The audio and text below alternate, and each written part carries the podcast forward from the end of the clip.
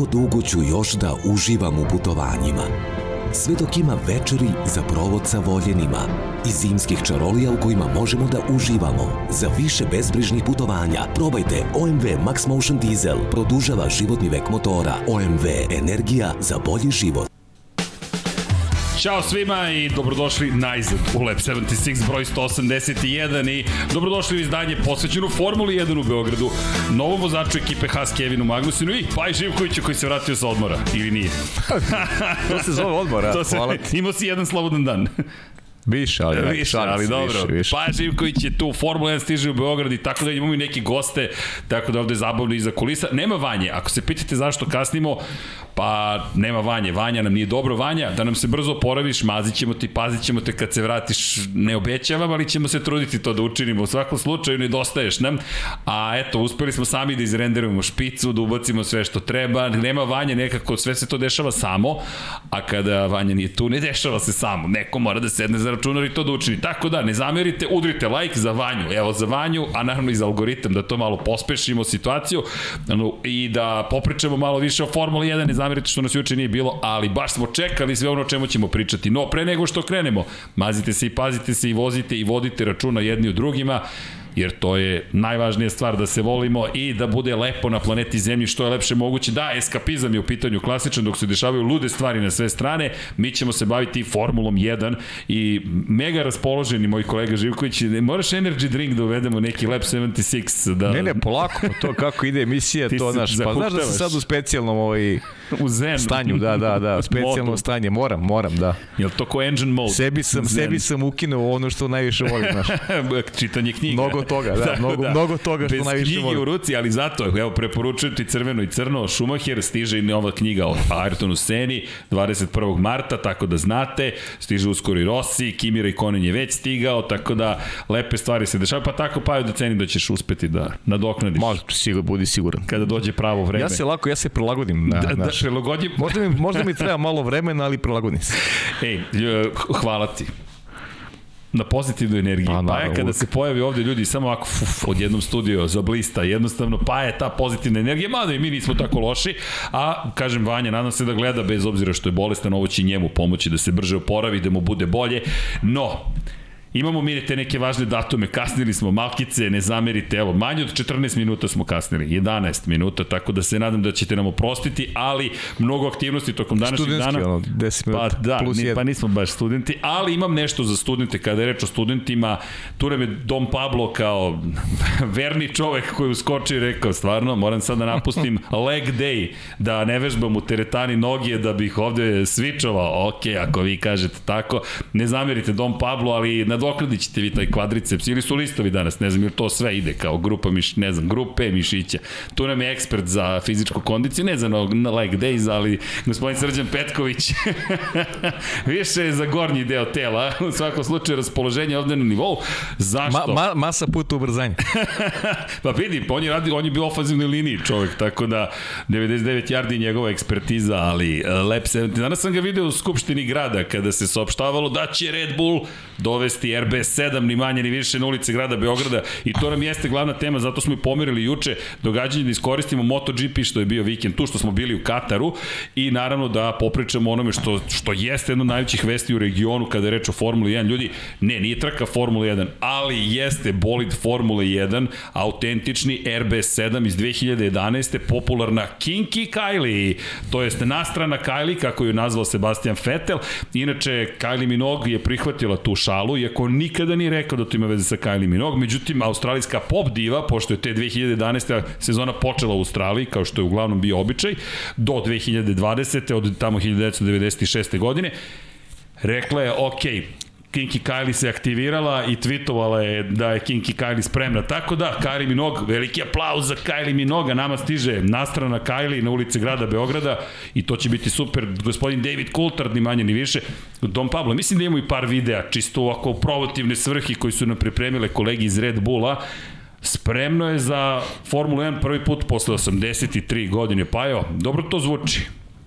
Pa, šta, šta dodati sad na, na ovu tvoju na, na, na ovu tvoju priču, da, naravno da je sjajno i mislim da je ovako neku atmosferu i treba očekivati. Ja se nadam da će, da će postojati uslovi da se ljudi okupe u, u velikom broju, da neće više pričamo o, o covidima, koronama i ostalim e, stvarima, tako da je to prava prilika. Vidim i po porukama da ima pre svega mnogo poštovalaca Red Bulla, ima mnogo navijača Sebastijana Fetela, i sve će to privući ogromnu pažnju u septembru, naravno da se da se radujemo svi mi koji volimo Formulu 1, to će biti veliki događaj kao što si rekao, ne samo za Beograd, već već i za region.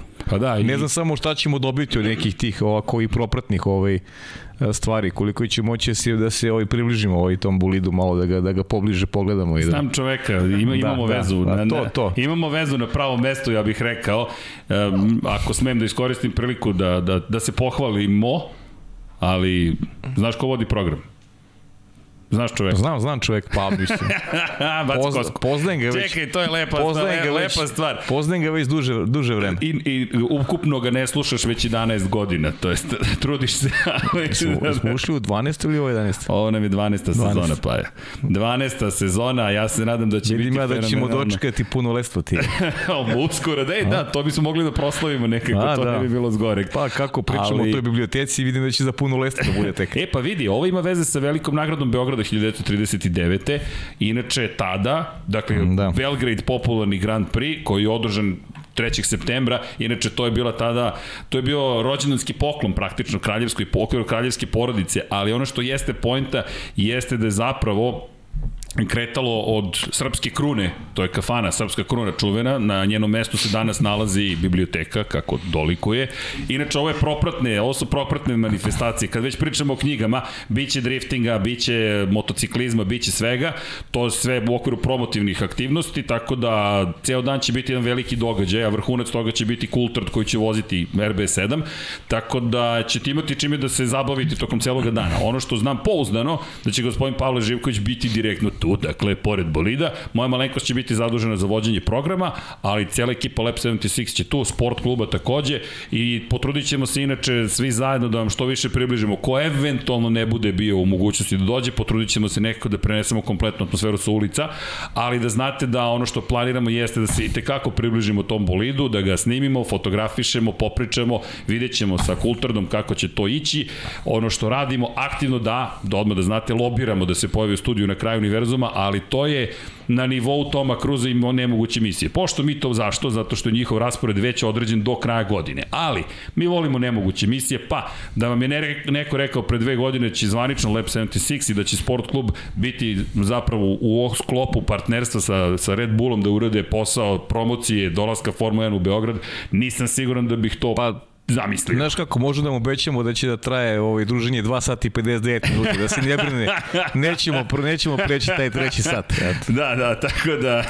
Dobro. Biće mu lakše kad bude saznao tu informaciju. Kad bude saznao, pa, da, da, lakše ćemo. Koliko traje podcast kod vas? Pa u proseku 2.59, ali, ali Davide, pogledaj Casey Stonera kada je bio u podcastu, on je 4 sata čovjek pričao. Dakle, a on je vozio motocikl, tako da cenimo da ti sa svojih 50 leta i 13 pobjeda u Formuli 1 možeš da izdržiš jednu tročasovnu trkvicu. Da. I tako. Tako da, trka izdržljivosti. trka izdržljivosti. Da, imamo i poruku, to je snimljena poruka koju je poslao, pa možemo i nju da čujemo, gospodin David Coulter, jel te? Ja se nadam da imamo taj kadar. To je to, Red Bull Show Run zvanično Beograd 17. september 2022 i tako. A, jel imamo? Hello Belgrade, hello Serbia, I'm David Coulthard, former Grand Prix driver, and I'm very excited that Red Bull and myself will be joining you on the 17th of September. We have a fantastic show planned for you. Look forward to seeing you then. a čuli ste u pozadini cevke, ne znamo mm, gde da. je. Znamo samo da je mu je promenjen plan i da nije mogao danas da bude u Beogradu, ali kada smo čuli ove ceve, otprilike negde u Red Bull Racingu, svi radimo, pripremamo bolid, otprilike, ali šalu na stranu, Kultar će doći, tako da je bilo bitno i da stigne ovaj video snimak. Čisto, zašto? Mnogo ljudi je došlo i pitalo me, aj, da li stvarno dolazi bolid Formula 1? Neće biti neka šatl, igračka, igračka. Kažem, ne, ljudi pravi, autentični bolid Sebastijana Fetela. Inače, to je danas bilo zabavno, Skupština grada, svi su formalni, ja sam bio moderator i morao sam da kažem nastrana Kajli, jednostavno Kinki Kajli mora da se spomene. Ali dobro, prihvatili su da je to deo protokola Formula 1. Inače, to je bolid koji je zabeležio 12 pobjeda u 19 trka. Ono što je simbolično, to je naša prva sezona.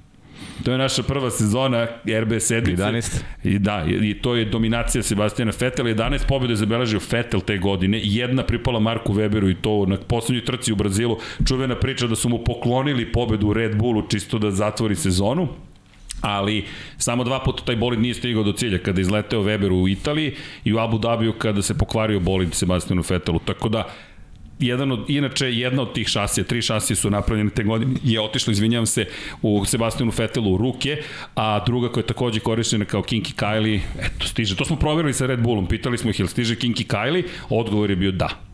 Da, možda Weber nije bio šampion, ali zato ozbiljno nasledđe njegovo kada govorimo o australijancima u Formuli 1 i onima koji prete da to postanu. Pričali smo o tome i Ricardo i ovi bomci koji zaista sjajno voze u Formuli 2, Formuli 3, eto i to je, neka budi ova priča najava onoga što nas čeka sledeće nedelje početak i Formule 2 i Formule 3, tako da, pa da. jedna godina koja će biti sjajna. Otvorio si u Kataru, ti i Jeca, Jeste. Juče sa Dekijem ste analizirali to, tako da evo, polako ulazimo u taj, što se kaže, takmičarski ritam. Meni je to nedostajalo, moram priznati. I jedva čekam da počne sezona, pa će ovi naši podcasti, ovaj, verujem, biti e, svima podjednako, podjednako interesantni. Pa da, nije, pa čekaj, zar nisu interesantni i ovako? Pa da, mislim da kad počne, kad počne sezona, kad počne sezona, to dobije jednu potpuno onako uh, jaču notu, da kažem, i, i sigurno da je, da je, da je zanimljivije i za, i za učestvovanje u podcastu, za, za praćenje, za komunikaciju i našu, tako da dosta je bilo ove međusezone. Taman smo se lepo ovaj, odmorili, malo ovako pauzi pričali o svemu i svačemu, a ovo, ovo eto, ova vest dolazak Red Bulla je možda najbolje najava onoga što nas, što nas očekuje. Ali lepo se poklopilo, tačno 7 dana pre početka sezone, pre poslednjih testiranja, jednom stiže vest, koja vest? Formula 1 će biti u Beogradu, stvarno. Inače, ne samo da vam kažemo, ali mi smo to znali zapravo od septembra prošle godine, ali je medijski embargo bio sledeći. Ako nekome kažete, znamo da je to došlo od vas. Bukvalno su tri osobe znale i mi smo sedeli i rekli, ok, imamo ekskluzivu koju moramo da čutimo, ispoštovali smo embargo, tako da nismo izneverili, malo ljudi je znalo, čak su nam zapretili da ne, bukvalno da ne smemo nikome da kažem, ne da zapretili, su rekli ljudi, znaćemo dakle je došlo. Ok, ćutaćemo do daljnjeg. Koliko? Šest meseci. Dobro, ćutaćemo. Tako da ovo se dugo sprema, nije, nije bilo potvrđeno do pred tipa 10 dana i tad su rekli, ok, sad A, možete tako da... da možda, možda da, malo veće. Ok, nešto je uletelo, neki, neki zvuk je uleteo i u svakom slučaju, kako god, činjenica je da da nam stiže, eto, Formula 1 u Beograd, zaista smo uzbuđeni, pa evo, pazi, na ulicama grada i naravno da ćemo biti tamo, što se tiče Lab 76. Pa neka, neka to bude e, najava za trku 2039. To ti, o, modno, 100 godine. Pa 100 godina. To pa je, ali onda moramo biblioteku da pretvorimo ponovo u srpsku korunu. Šalim se, biblioteka treba da ostane, treba da ima više biblioteka i više knjiga i da se čita i da se kulturno uzdižemo i naravno da se mazimo i pazimo. Udrite like ukoliko vam se dopada ovo što stiže, patreon.com patreon.com kroz Infinity Lighthouse. Inače, u, gde mi je, nestalo mi je jedna od stvari, čekajte, dajte mi sekund, uh, u kesi, Vidjet će, ne, ne, tu je Bela na, na kauču, ako možete kolega, ili u mom džepu desnom od jakne, se nalazi jedna kesa u kojoj je nešto što ćemo sutra takođe da radimo, jer prosto ove godine se silno zabavljamo, ali ne, ako možete van kese da izvadite samo kolega i da mi bacite, bit ću vam mega zahvalan, ovde Dom Pablo već je počeo da nas mrko gleda, čuje se zvuk kese u pozadini, a Vanja, Vanja, Vanja je cool, Dom Pablo je cool, ali to, recimo da malo ekstremniji. Čujete zvuk kese i repetiranje pištolja. da, da, i čujete te lasere kako se pale. Ne, ne, lasere, pošto je to tiho. Samo bude se, slobodno, Dom kolega, repetira pa vas kolega znaju, pa čekajte, ne, ne, pa dajte, dajte kolegi, molim vas, pa dajte kolegi, sve je u redu, ma dajte kolegi, pa šta vam je, on je naš zvanični čuvar galaksije, čuvar kolega. studija, kolega, najveći da, moderator da. svih vremena, ima 2 metra i 120 kila mišića, isključivo kila mišića, ali šta ćemo mi to da delimo sutra, ni point u deljenju, ajmo da se igramo, ljudi, stigo je GT7 i sutra će da padne un, uh, unboxing, to je skinut ćemo celofan, otvoriti kutiju, staviti da se instalira, verovatno downloadovati patch jedno 45 minuta i onda ćemo krenuti da se igramo. Inače, sutra vas pozivam ko ima starije verzije GT Sport imamo već instaliran, da se igramo. Ko ima GT7, nek se spremi, vozit će protiv Dekija, Potkonjaka i mene. Ja ću biti za volanom, Deki za kontrolerom, možda i Vanja ukoliko se oporavi, vidjet ćemo. Imam čudan osjećaj da će se oporaviti za GT7. To je ta magična moć, eliksir to, to, mladosti. Pa da, to je kao da uzmeš, kao da uzmeš neki ovaj, antibiotik. Znaš. Pa, pa GT7 da popiješ doći, i, da. i sve se odjednom oporavi. Elem, i onda ćemo sutra da se igramo, poklonit ćemo jedno ovo slavljeničko izdanje, 25, 25 godina od kada je nastao prvi GT, tako da znate, ovo je za PS5, poklonit ćemo tri verzije u kutiji, dakle neće biti problema sa šiframa sutra GT7, 21.00, ponovo ćemo biti direktno iz studija na kraju univerzuma za PlayStation 4 i gomilu privezaka, tako da znate, sad imamo 11 privezaka, inače ovo smo svi zajedno kupili, zajedno sa vama, svi koji su na Patreonu, svi koji su kliknuli join, to je kupljeno još u decembru, a PlayStation zvanično sarađujemo sa PlayStationom, zvali su nas i rekli, ok, čuli smo za vas, preporučili su nas, preporučili su vas za trke. Ok, tako da hvala za vašu podršku, join, subscribe, like, sve to pomaže i mnogo smo ponosni pošto ćemo zvanično da se igramo sutra i plaćeni smo gejmeri, pa je, uspeli smo. Bravo, Srki. Najzad, najzad. Mama Bravo, kupuje od 81. igrice. Mama, ako slušaš, sve se isplatilo. A ovo je pozdrav za moju baku, sa, pogotovo mamine strane, mada obe sam ih obožavao, koju sam naručim igrice iz Novog Sada, od čuvenih pirata za Spektrum, i onda kad znam da će stići kasete, pobegnem, i odem kod mame i tate, nisam kod bake, naručim na njenu adresu. I onda ona zove i kaže, opet sam platila nešto a ono kasete i kasete. Tako da bako gde god da si, hvala ti. Isti, isti si ko moj brat. Isti. Jel, jel to to? Pa to je to, da. Ti? Pa ja sam u kontri. dobro, dobro. Elem, to je taj uzbudljivi sadržaj koji se tiče prosto onog vesti, kakav crni sadržaj, to su informacije, to je lepota života, stiže na Formula 1, međutim, Formula 1 stiže u Bahrein, ili makar neki od Formula 1 stižu u Bahrein, Hasova će, nadamo se, stići jednog kasne, dana. kasne, da. Malo kasne, ali stići će im vozač ako ništa drugo, Kevin Magnussen potpisao za Haas, to je najveća vest, budimo realni, kada je reč o Formuli 1 u 2022. Pa, moram priznam, ka, kada sam video vest, ovaj, onda sam shvatio koliko je to u stvari logično rešenje. I iskreno u podcastu nismo o tome pričali, nismo ga, nismo ga razmatrali Nismo ga ni, videli. ni pod varijantom razno, a u suštini je to najlogičnije rešenje, zaista. M vuče paket sponzora sa sobom, M dobro poznaje logistiku, dobro poznaje ekipu, mehaničare, sve poznaje, a ono što je najvažnije ostavio je trak tamo. U smislu da nikad nije bio galamdžija, nikad nije bio protiv ekipe, uvek je slušao šta mu se govori, iako je bilo momenta kada sigurno njemu nisu ovako bile sve ovako, što se kaže, lampice onako upaljene e, onako kako je želeo, ali prosto je on izlačio iz te ekipe e, imao je bolje rezultate odnosno na Romana Grožana koji je slovio za talentovanijeg vozača, što je u principu tim nekim nižim e, serijama i pokazivao. U krajnjem slučaju i za Lotus je vozio sjajno. Međutim, nije se dobro adaptirao Roman Grožan. Kevin Magnussen odradio dobar posao, napravio to tu jedno, e, jedan lep ambijent sa ekipom i moram ti priznati da se apsolutno onako, ako, ako možemo tako da pričamo, ja dižem dva prsa taj povratak Kevina Magnusa i mislim da je Haas pogodio sa njima, mogao bi lepo da profitira i, i, i Mick Schumacher u cijeloj priči.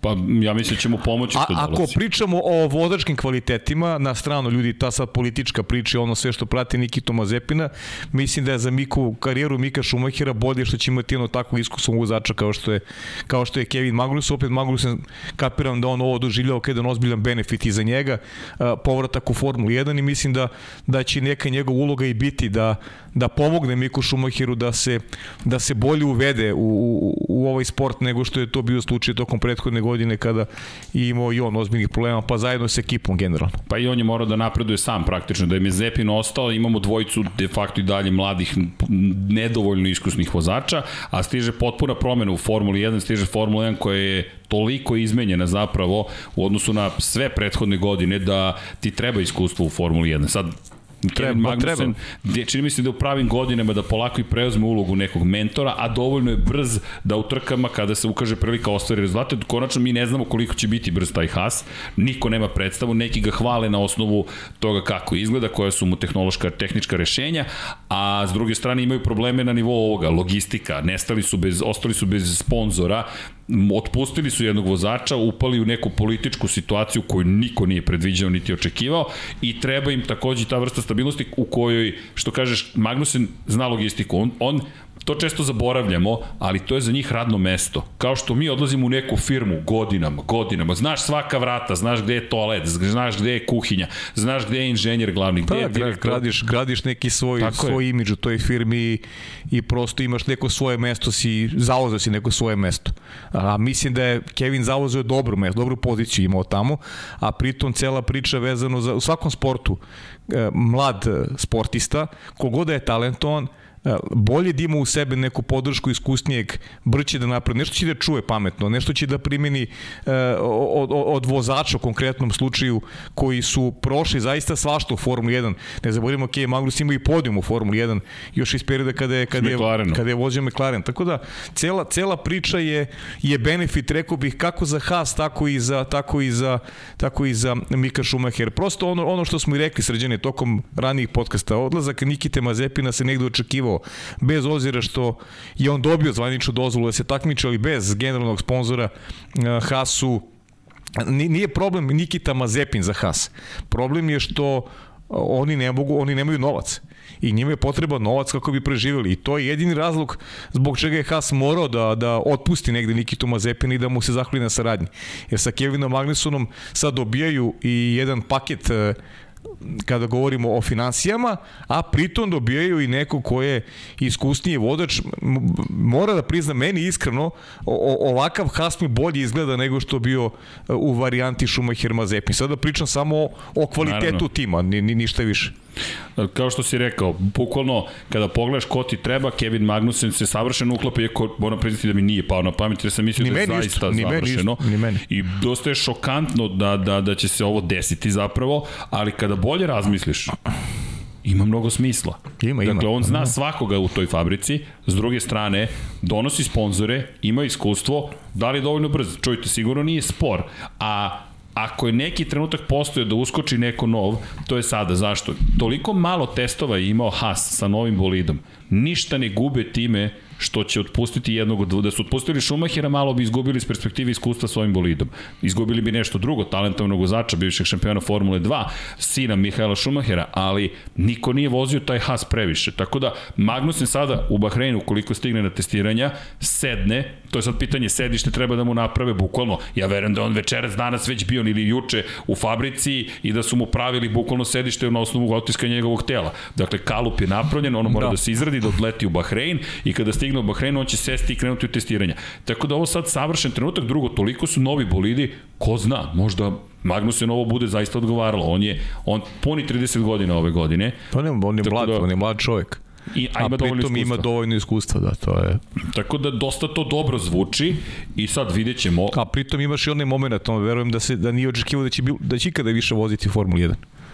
E, to je i rekao. I, to, i to, može, to može da bude onako jedna, jedna onako ozbiljna neka, da kažem, ekstra motivacija koja, koja će mu pomoći da, da, da, stvari, da stvari pokrene sa mrtve tačke da je Haas u pitanju, jer e, to govorim iz percepcije onoga što smo gledali prošle godine, koja je bila zaista razočaravajuća, vezano za, za Gina Hasa i celu, celu priču koja, koja prati tim u Formuli 1. I ne samo u Formuli 1, nego i šire.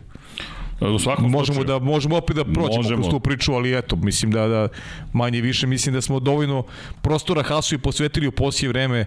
Bilo je tu malo i političke priče, a ono što je meni osnova kada govorimo o američkom timu je je nekako Gene Haas i rekao bih neka njegova ideja da se da se malo izvuče iz cele priče da da da ovaj ne bude aktivno prisutan na na, na trkama Formule 1. Da, ali Gene Haas fascinantno je, on pričali smo o tome, neće da proda tim, a s druge strane ne vidimo da je aktivan previše, a opet ovde, ovo je sad isto bila prilika da kaže možda nekom, ej, možda je tim vreme za prodaju, ne, oni opet nalaze neko rešenje da ostanu u životu. Možda se klade na ovu godinu ili možda čekaju to neko dugoročno rešenje tipa da li će se Ford uključiti, ne, malo se priča o tome spekuliše, kako god, Kevin Magnussen se vratio u Formulu 1. I... To bi bilo sjajno, to sa Fordom je bilo fenomenalno. Ja bih to mnogo volio. To bi bila najjača priča, Zamislio, to sa Fordom je bilo najbolje. Zamislio 2026 krene jedna nova era, Ford se vrati. Jer Ford zaboravili su mnogi se ozbiljno takmičio i u Formuli 1 i u drugim, u drugim disciplinama i ne samo to. Ako pogledate 24 časa Le Mans, ne nužno prototipe, ako pogledate druge kategorije. Pa NASCAR ljudi, recimo, da pa i u NASCAR isto. su sjajni već godinama unazad. I to nije neozbiljna kompanija, to je, to je jedan, jedna od najvažnijih kompanija pa u istoriji i, i mogu da, pri, mogu da privuku i više sponzora naš, sa, sa, sa Fordom, to se onda širi dodatno priča vezano za, za to to američko tržište i, i ono što bi mogao Haas da postane, ali ajde, mislim, na šta je poenta cele priče? Imam utisak da, da, da su financije dobro zatvorene u suštini. Znaš, sad je otišao Mazepin, dolazi Magnusen i iz priloženog, tačnije iz, iz tih izjava koje nisu tako, tako česte Gina Hasa, rekao bih da, da, je, da je tim nekako na tim onako stabilnim osnovama. Sad,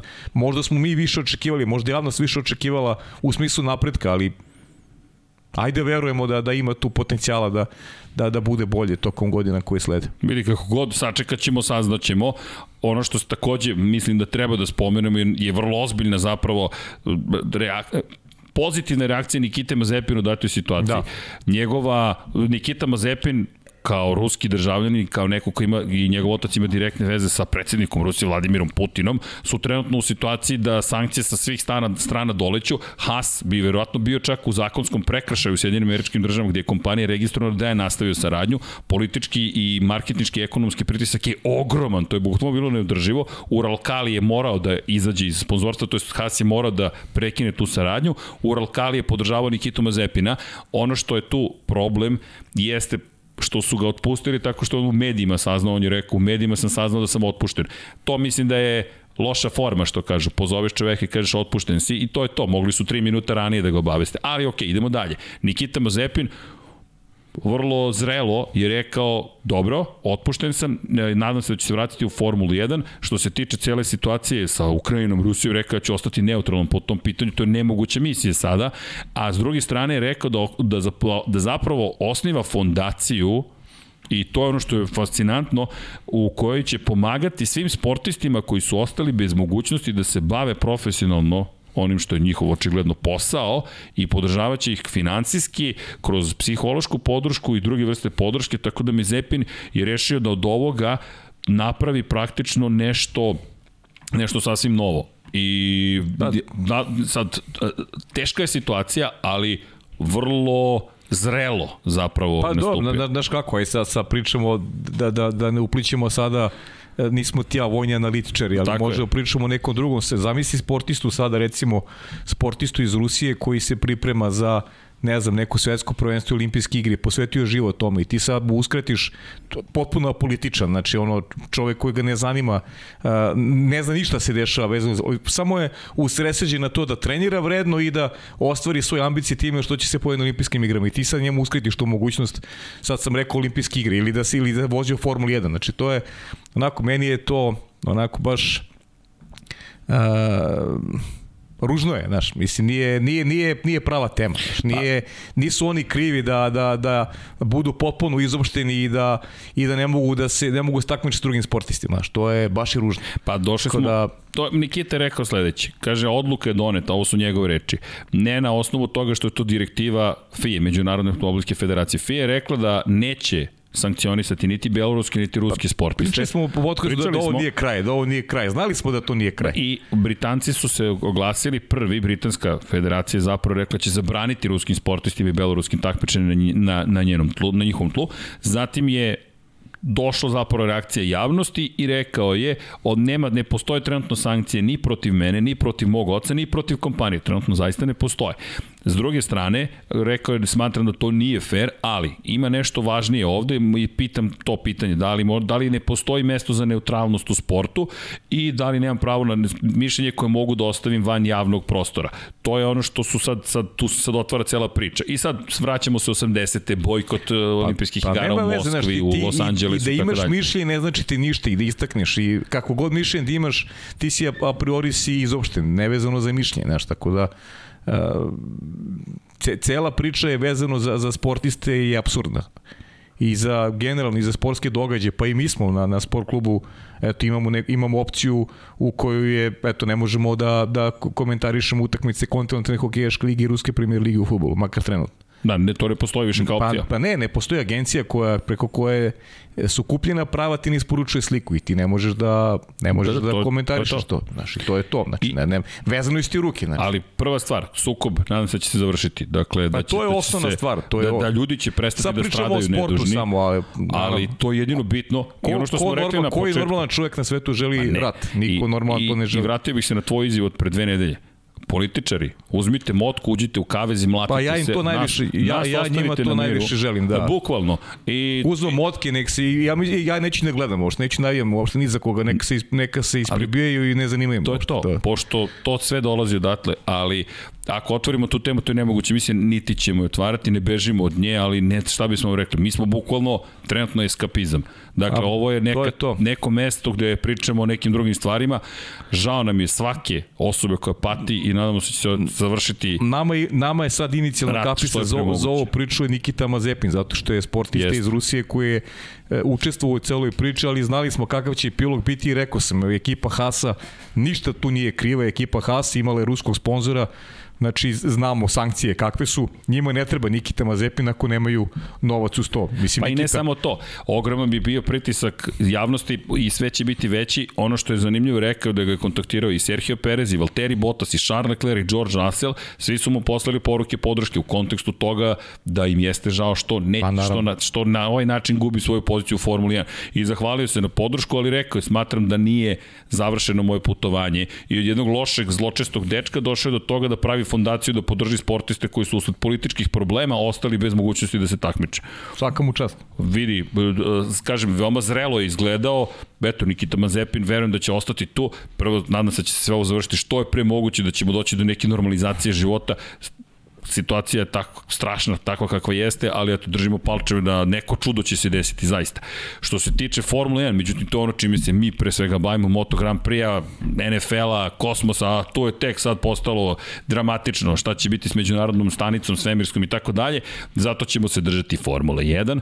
Krećemo sledeće nedelje, testiranje u Behreinu su tu, dakle mi da. bukvalno čekamo da počnu, inače imate svi pozdrav od Hasana Bratića, Hasan je bukvalno u Bahreinu i sledeće nedelje, eto još lepih vesti, Hasan će se uključiti, prokomentarisat će šta je video na najnovim testiranjima, imat ćemo opet njegove fotografije, analizirat ćemo ponovo najnovije delove. Hasane, ako slušaš, pa ne, fotkaj delove, molim te. O sledeće nedelje, o sledeće nedelje kreće prava akcija. Kreće akcija. Je, Najava sezone. I podcast u pitanju i onda idemo sezona. Ja i, jedva čekam, moram da ti priznam. I onda smo tamo do kraja godine. Ej, Deki je dobio poklon, obradovao se, Tako da, da, niste, niste još ovaj krenuli da... Kad? Pa čekajte, čekaj, stigao sam znam. juče iz Katara, juče je bio MotoGP. Sutra možda. Formula je sutra je GT7. GT7. Imamo mi aktivnosti u studiju, preselit ćemo se ovde i ta, pravim tamo krevete na sprat. Ja sam sutra pre podne, tako da... Ovaj, ne možeš da... Ovaj... Ne, pre podne sam ovde. Pod Ali, kapicom pre podne. ako ti baš bude dosadno, ti svrati da prokomentarišeš događaj koji se ovde odvija. A nije stvar dosade, nego Ne, nisam mislio da ti mi budemo dosadni, nekako ti bude dosadno ne, ne, u životu. Ti znaš da, da je meni, da, je, da je meni, da je meni sa Pajom super. maskara. ja. Pa ja se dobro slažem. Niste vi dosadni, da. nisam ni rekao to. pa jo, sve si rekao i sve je okej, okay. ništa, ići ćemo u biblioteku na književno veče da čitamo poeziju i ja, to, jedva čekam ja to. To, to ti kažem. Ali biće kratka snažna kratka poezija, pa, hajku naravno. neki i to će biti to. Naravno, kratka da, i jasna, to, je, to, su, to su najjače poruke. Na, na, najjače poruke, naravno. I tako. I, ali da sad, znaš, sutra ćemo imati ponovo gosta koji nam je bio i pre 10 dana, donosi meze. Ponovo. Aha, pa dobro, mislite, iz, pa znaš da sad isključio, za Luku. isključio sam meze iz, iz, iz, ne, iz, zbog želuca. Ne, ne, ozbiljno. Ne, sad, ne, ne, ozbiljno, sve sam ovaj, ukinuo sam sebi dodajnik dok se ne dovedem u red. Dakle, samo pod kapicom, A, dovodim, mediteranska kuhinja. Dovodim se u red po ono, kad, kad ja procijem da se dove u red. Aha, o, da. ok. Pratite Infinity Lighthouse i Lab 76 pa će vidjeti kada se Paja dove u red. Da. Ali da. Priznaću pošteno. Da, da. U svakom slučaju ima, imamo, ima tu dosta sad stvari. Što se tiče Mazepine, samo još jedna stvar jeste da, da nije završena ta priča. Ono što se događa, Ural Kali traži pare nazad nazad, dakle traži... Ti misliš da će da se vrati Nikita Mazepin u Formulu 1? Pa trenutno ne vidim kako će to biti izvodljivo. Nija. Zaista ne vidim kako će biti izvodljivo da se reši politička situacija. Prvo, zaista želim da se završe sukobi. Pa ček, pa čak, A, čak, da i se da, reši čak i da se reši, politička čak i da se situacija. reši za mesec dana. Ne, ne, a, a to su to ti treba ti najmanje 3 godine ti sad politički rešiš pitanje imidža, e, saradnje, ukidanje eventualnih sankcija, uspostavljanje diplomatskih odnosa. Situacija je mnogo je strašna. u Mnogo je, mnogo je mostova porušeno Jeste. da bi, da bi se to vratilo u, ajde da kažem, normalu tako brzo. Jeste. Za kratko vreme je mnogo mostova porušeno, ali tako da Ja ne vidim teško da će Nikitu to, više u teško da Formuli će 1. to da se dogodi ovaj, i pitanje uopšte kakve opcije mu se otvaraju, mislim, sportske opcije. Ne vidim ih. Ne vidim ih, zaista ih ne vidim, eventualno neko interno takmičenje u okviru Rusije, to je to. I tu, bukvalno to je to. A to ti, to, je, to nije međunarodna scena. Svi žele uspeh na međunarodnoj sceni. Koliko god voleli uspeh na domaćem terenu, zna se zašto je svetski šampionat svetski šampionat. Pritom i to i u Rusiji to više ne, ne dopire nigde, ti ne možeš ni da znaš i šta se održava tamo, tako da, tako Ne. da je on, onako, vrata su već onako dobrim delom zatvorena za Nikitu Mazepina. Da, i ne samo Ural Kali, već i, jer tu imamo dva ugovora. Imamo Ural Kalijev ugovor sa Hasom i imamo Nikitin ugovor sa Hasom. I jedni i drugi će gledati koje su im zakonske opcije trenutno da... Pritom sređene, da budemo iskreni do kraja, ne pričamo o talentu ranga Pjera Gaslija, ne znam, Charles Leclerca, Maxa Verstappena i tako dalje, nego pričamo o momku koji i nije baš ovako otvorio otvorio svetla pozornice na način na koji je možda i želao i na način na koji on smatra da je moguće. Prosto nismo videli ništa što bi, e, što bi nas navelo na to da, da, da razmišljamo kako eto sutra kada se nešto promeni, da Nikita Mazepin će biti prvi. Ne, naprotiv, imam utisak da ovi momci koji sada e, budu, budemo pratili u Formuli 2, Formuli 3, da će sebi onako lagano otvarati, vrat ima tu mnogo talenata i ostaće zaboravljen negde Nikita Mazepin. Vidi, moje mišljenje je šta je pokazao Nikita Mazepin. Sponzorstvo Ural Kalija. Pa to je. I to je sve. To je to. To surovo možda zvuči, ali ljudi, to je istina. Da nije bilo sponzorstva Ural Kalija, Nikita Mazepin ne bi vozio prošle godine u Formuli 1. I to je to. Tačka. Bukvalno. I bez svega toga, a sada je to postalo e, i da dobiju sponzorstvo Ural Kalija biće puno problema. Nemoguće. Može samo jedna digresija. Naravno. Hasan Bratić. Da. Pozdrav, momci, od sutra će biti slika i detalja bolide. Jao, Hasane. Inače, ljudi, Hasan je mašinski inženjer. Dakle, Hasan Bratić, ne samo što je veliki gospodin, profesionalac, džentlmen i tako dalje, on je školovan i on je neko ko ite kako dobro poznaje te bolide. Dakle, i da nije, fantastičan je, ali pride dodajte na sve to, da čovek zna i te kako šta fotografiše i šta je to ispred njega, tako da Hasane još jednu kapu skidamo. I ovde svi skidamo kape, tako da Dubok naklon. Dubok pozdrav, naklon, šta Hasane. god. Dakle, Hasane, jedva čekamo da nam dođeš, a i da se vidimo na Moto Grand Prix. Opa, TV nam je upao. Da vratite Dom Pablo, a, kad nema vanje... Ma ja jedva čekam a, Hasana da e, vidim ovde u stolici To, preko to, to, to, to, to, to. Imamo knjige za njega, tako da je Imamo sve spremno. knjige, a idemo posle malo da se družimo. Tako je, malo da proda vidiš kojom trasom će voziti RB7 Tako je, po tako je. Beogradu i tako. da se malo prošetamo, ali Hasane, hvala ti na tome, jedva čekam da vidim. Ako možeš Ferrari od ozgo nekako da uhvatiš, taj njihov bazenčić da vidimo, to bi bilo idealno. Pa jeste, to mi je Hasan poslao fotografije, montaže kao da imaju, kao da su napravili mali bazen, otprilike tako izgleda, ali jedva čekamo da, da, da, da se time pozabavimo. Inače, imaćemo mi neke nove stručne konsultante, ali čekajte, da biste bili u Formuli 1 ili stručni konsultant, kolega, možemo, možemo ovaj logotip, ali animirani ovaj, up, kako će, do, nadam se da će biti zvuk, ako ne bude, brzo ćemo se vratiti. I zašto? Deco, školujte se. Devojke, momci, školujte se. Se čujemo. Nadam se da se čujemo. Možemo da se vratimo na fotku. Ima ona fotka jedna. E to, kolega. Dakle, nadam se da ste čuli školujte se, školujte se, školujte se i školujte se. Mi ovde pričamo o projektu u kojem učestvuje šest fakulteta, dakle, Beogradskog univerziteta, Road Arrow Belgrade Formula Student Team. Dakle, drumska strela je u pitanju, rekli smo vam da ćemo ih podržavati ove godine, ćemo biti medijski sponsor, stojimo pri svojim rečima. To ne znači samo da ćemo pratiti šta rade, već hoćemo da, nadamo se, privučemo što više mladih ljudi da se školuje. Nemojte kao Paja i ja da ne diplomirate. Nikako kao Paja i ja. Ne, ne.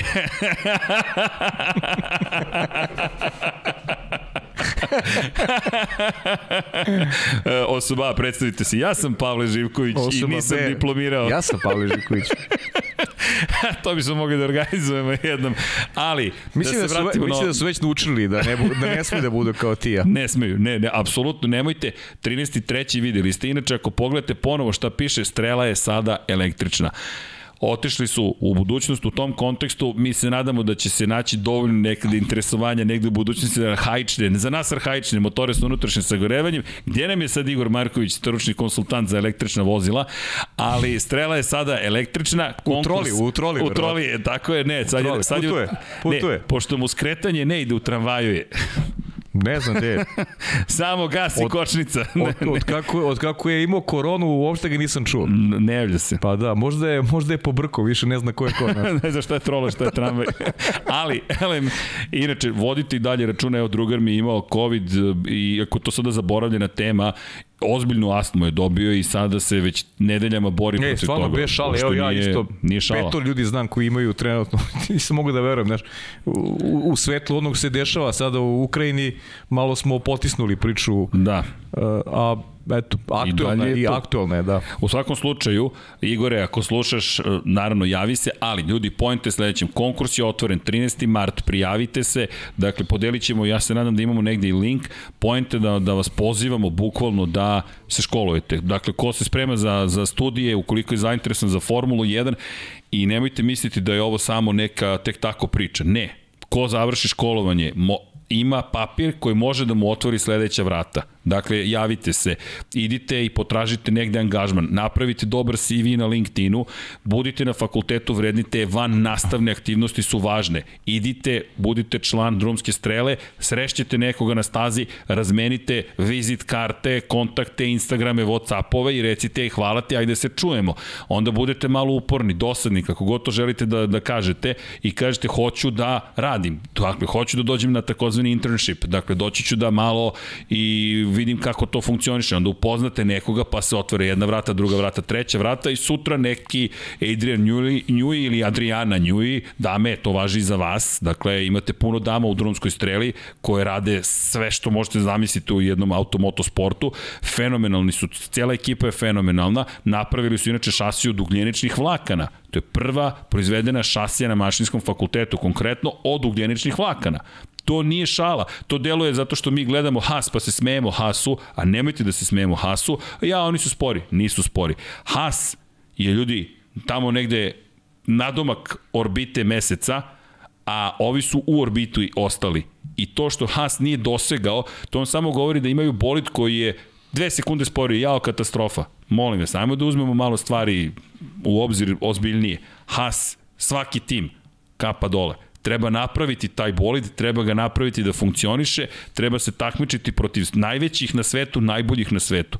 Tako da za svakoga poštovanje dužno, Haas zaslužuje takođe poštovanje, inženjeri koji tamo rade možda bi bolje, sigurno bi bolje prošli u McLarenu, ali tu su, to i dalje neki san i ko zna možda im ova pravila donesu nešto fenomenalno. Tako da školujte se, to je pojenta, a ko može da se prijavi, neka potraži informacije za udrumskoj streli, neka se prijavi 13. marta, tako da Evo, jedan, jedan od nas like za celu ekipu drumskih strela. Može digresija. Imamo gosta, ne znam da li smijem da spominjem, koji je pravio drugu, treću i koju drumsku strelu? I četvrtu, druga, treća, četvrta. I gde gospodin radi sada? U Bugatti Rimcu. Ja ću vam reći ako niste čuli. Gospodin radi u Bugatti Rimac kompaniji. Okej? Ja mislim da to nije loše. Ne znam za vas, ali ja mislim da to uopšte ne... Don Pablo, nećeš ti da me... Ne, ne, ne, ne CV, od, ove, od, od njega nema CV-eva. Mo, mogu, si, mogu, si, mogu si bolje. Mogu si bolje da prođeš. Kako? Znaš. Dobra preporuka. Dobra preporuka za Rauderu, ali to tako funkcioniše. Tako da, ako bude želeo u mogućnosti, Ne, šalio sam se ja naravno. U hot seat sedneš da te ispitamo kako si došao do tamo. Ali nismo se to dogovorili, pitanje je da li ima prava da se pojavi javnosti bez dozvole kompanije, tako da neka osoba C ostane Pavle Živković i idemo mi dalje, tako da imamo još jednog Pavle Živkovića ovde. Mada je nešto mlađa verzija, Pajo, moram ti reći. Starija, misliš? jeste, jeste, nisi me čuo. jeste, jeste, da. mlađe, mlađe verzije. Da, u svakom slučaju to I su... Pam, I pametnije verzije. Uh, to vidi, to je... Zato što ima papir, tako je. Elem, da se mi vratimo na... Ima, crno, na, ima crno na belo da je pametnije. Da, da se mi vratimo na, na, na Formulu 1. Hasane, hvala. Dakle, svaki detalj ćemo pokušati da iskoristimo točkove, podove, bočne strane, zadnji deo, izduvne sisteme i to me dovodi do važne teme. Timovi su ubeđeni da više nema sakrivanja tempa. Sada moraš u Bahrinu da pokažeš zaista u nekom momentu svoju brzinu, jer kad ćeš da testiraš? Šta, čekat ćeš petak kada imaš dva puta po jedan sat? Nema više vremena. Sad moraš da skineš to... plašt i da kažeš ok, ovo smo mi, ili da ga staviš kako pa, god. to je ono što smo i mi, i ne samo mi, nego ljudi koji prate Formula 1 očekivali da će Bahrein ipak doneti onako vrednosti ko, na koje možemo da, da temeljimo neko, neko mišljenje onome što, što nas čeka s početka sezone. Tako da se svi radimo tim testerima u Bahrinu. Verujem da, da će priča biti značajno drugačija u odnosu na, na Barcelonu, ali, ali podsjetit ću još jedno, Barcelona je, čini mi se, više iskorišćena kako bi uh, imali svi timovi priliku da pokaže jedan kontinuitet i da vide šta je potrebno da se doradi, da se promeni pred početak sezone i pred ta testiranja u Bahrinu gde slažem se da će maske onako, možda ne do kraja, ali, ali će nam otkriti mnogo više detalja nego što, nego što je to bio slučaj u Barceloni. I onda ćemo moći i mi negde da, da se pripremimo kudi kamo bolje za one prve treninge koji nas čekaju u petak, koji beše tamo 18. ili tako? Jeste, 20. je trka, inače u, ne, u četvrtak nema više konferencije za medije, kompaktnije vikend, 23 trke nas čekaju, pričat ćemo o tome i sledeće nedelje kada budemo najavljivali sezonu, to će biti, ja se nadam, savršena najava. Zašto? Zato što uz Hasanove fotografije, najnovije informacije, zaista ćemo moći da najavimo sezonu. U ovoj sezoni u kojoj je nemoguća misija praktično da, da, da, da kažemo ko će pobediti, mi moramo samo Dom Pablo da kažem, još miš morate da povučete levo, vrtite ga ovde po ekranu, levo, levo, levo, levo, pošto ovde ima mnogo ekrana, a Vanja nije tu, jeste našli miš? To kolega, kolega više za tegove, ali i tegovi ne znači nužno da niste za računar, tako da, školujte se, to je poenta. Zahvalan. Pablo, Pablo je zahvalan. On Pablo je zahvalan. Ja neću izaći živ iz ovog mislim, studija. Mislim da nikad nije čuo ovako nešto. nije, a diplomirao čovek. Da, da, Pri da, čemu nije. ima papir. Od, od pet ljudi ovde dve imaju papir. Pa Što dobro. se mi smijemo, ne razumem. Ali dobro, bar, Pa, bar smo zabavni. znaš zašto? Zato što vodimo. A, a imaš i ti? O, po, diplomirao poljoprivredu u Italiji. Opa! Lavera. Izvinite, nisam vas prepoznao, kolega, pa ja... ja Možemo krenemo neki uvoz da radimo. E, vidi, sačekajte nas u kancelariji da. pored, pa ćemo da razgovaramo. Da, inače pokušavam da, da, da sredim ovde još neke stvari, pošto ima novih vesti. Ali da se vratimo mi na testiranja, testiranja, testiranja, testiranja, jedva čekam. Izvinjam se, rekao mi Dom, Dom Pablo, nemoj da lupaš više po stolu, pošto ulazi u mikrofon, ali uzbuđenje Dom Pablo, Tako da, još malo, ali bukvalno još malo nam je ostalo i onda smo, ja se nadam, Pa da, krenuli. to je to, šta, šta je još utorak. A ti si zato krenuo teretanu, već- treba izdržati sve ovo. A ne, ja sam, ja sam više iz higijenskih razloga krenuo. Pa da. Dobro, kolega, ako vi kažete, Treba da vozim taj bolid do septembra. E Moram da, da ojačam vrat. zamisli taj moment, Ojačam kako vrat. bi to bilo dobro. Da, ne znam šta će sve još pripremiti, Red Bull će nam dati informacije, ali to jesu lepe vesti. I tako. No, Pa to je u, u stvari najlepša vest za, za ovo večerašnje druženje. pa moram ti priznati da sam ja baš kada sam saznao bio više nego uzbuđen i još ta priča, kao što i sam znaš, da, da, da ne smemo da otkrivamo jer mora da se sve potpiše, sačeka, potvrdi i tako dalje, onda kada A htio bi, a htio bi da kažeš, a, A ne može. tek ja, mene, to je... jo, progovorio bi na levo uvo, ali, ali ne daju mi. Malo, bar nešto malo. Ne, ne može ni to malo. E, ali zar nije Dobro za pohvalu? izdržao. Kako nije, pa mislim. Na kraju sam Sjajno. uspeo. E, šaljem vam link za Drive. Bravo, sređene, bravo. A, aplauz zato što sam Bravo. čutao. Branio se ćutanjem. Branio se Tri čutanjem. nedelje. Čitave tri nedelje, da. Bez advokata, bez ma nevjerovatno. Pa reci, zar to nije bilo teško? Ma, bilo je teško, slažem se. Ali eto, e, Dom Pablo šalje vam još nešto, ne, ne radi nam Slack, danas je, ko ima Slack, da znate, svi se mučimo sa Slackom tokom današnjeg dana, s obzirom na činjenicu da iz nekog razloga ne funkcionišu stvari kako bi trebalo, a stiže vam jedna lepa fotografija, odmah ću da vam pošaljem i link te konkretne fotografije, pa skinite pošto je lepa stvar u pitanju. Naravno, počinje nova sezona, samim tim počinju neke nove stvari da se dešavaju, a opet su nekako stare i koliko god da su nove, mogu da vam pošaljem makar link na drive-u. Tako da eto, preuzmite molim vas da to teku da, cenjenu, pa idemo dalje. Uh, Pajo, Kaži. da ne zaboravim par stvari i to su vesti naravno iz Formule 1 Alfa Romeo je Alessandro Aluni Bravi je novo mm ime koje će biti direktor za Auber grupacije, kompanije koja stoji iza Alfa Romeo ekipe, tako da, no advokat je inače u pitanju, čovjek koji je bio i savjetnik i član upravnog odbora 2017. godine, Dakle, prilično poznat, s obzirom na činjenicu da je bio i menadžer Stofela Van Dornea, čovjek koji je inače trenutno u Formuli E, vozi za Mercedes i radio je sa Robertom Kubicom. Tako da je neko ko nije van tokova Formule 1. Moram priznati da je imao saradnju i zanimljivo sa Nikolasom Todom, koji je inače menadžer velikom broju vozača, između ostalog i Charlesu Leclercu, tako da ima, postoje ozbiljne veze. E sad, ono što je pitanje jeste jednostavno čime će se sve baviti, izjava, to je saopštenje koje je došlo iz grupacije, kaže da će se fokusirati na marketing, komunikacije, prodaju, pravo, IT i financije. Meni to zvuči kao kada neko napiše oglas za posao i kaže očekujemo da znate Photoshop, da ste dobri u InDesignu, Corel Draw, iskustvo iz 97. po mogućstvu, After Effects da koristite Premiere da ste upotrebljavali i Excel povrh svega. Kompletan Microsoft Office paket pazi, marketing, komunikacije, prodaja, pravno, IT i financije. O, normalno, jer to što kaže Dom Pablo. Ja zaista se nadam da, da će to biti uspešno. U svakom slučaju imaju čime da se bave. Ono što njima e, cilj jeste da očuvaju Zauber kao robnu marku van saradnje sa Alfa Romeo. Pa eto, držimo im palčeve Ne zaboravite da su bili na korak od prodaje Michael Andretti, onda su u poslednjem trenutku de facto sabotirali tu prodaju dodatnim zahtevima, što kažu minut 5 do 12 praktično. Ok, ali eto, to je vest, da, da ne zaboravimo da se eto dešavaju promene u Zauber grupaciji. Samo ne, da nema šta dodam, zaista. E da, imamo još jednu vest. Dom Pablo je spremio. Jeste spremili? A, kolega, hvala vam. Bravo, A to je, Pablo. To su nova vozila.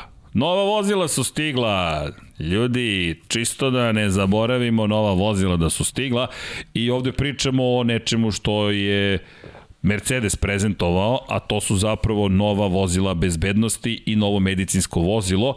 Kao što možete videti, za 2022. vidjet ćete ih, ili se nadam da ih nećemo videti zapravo na stazi.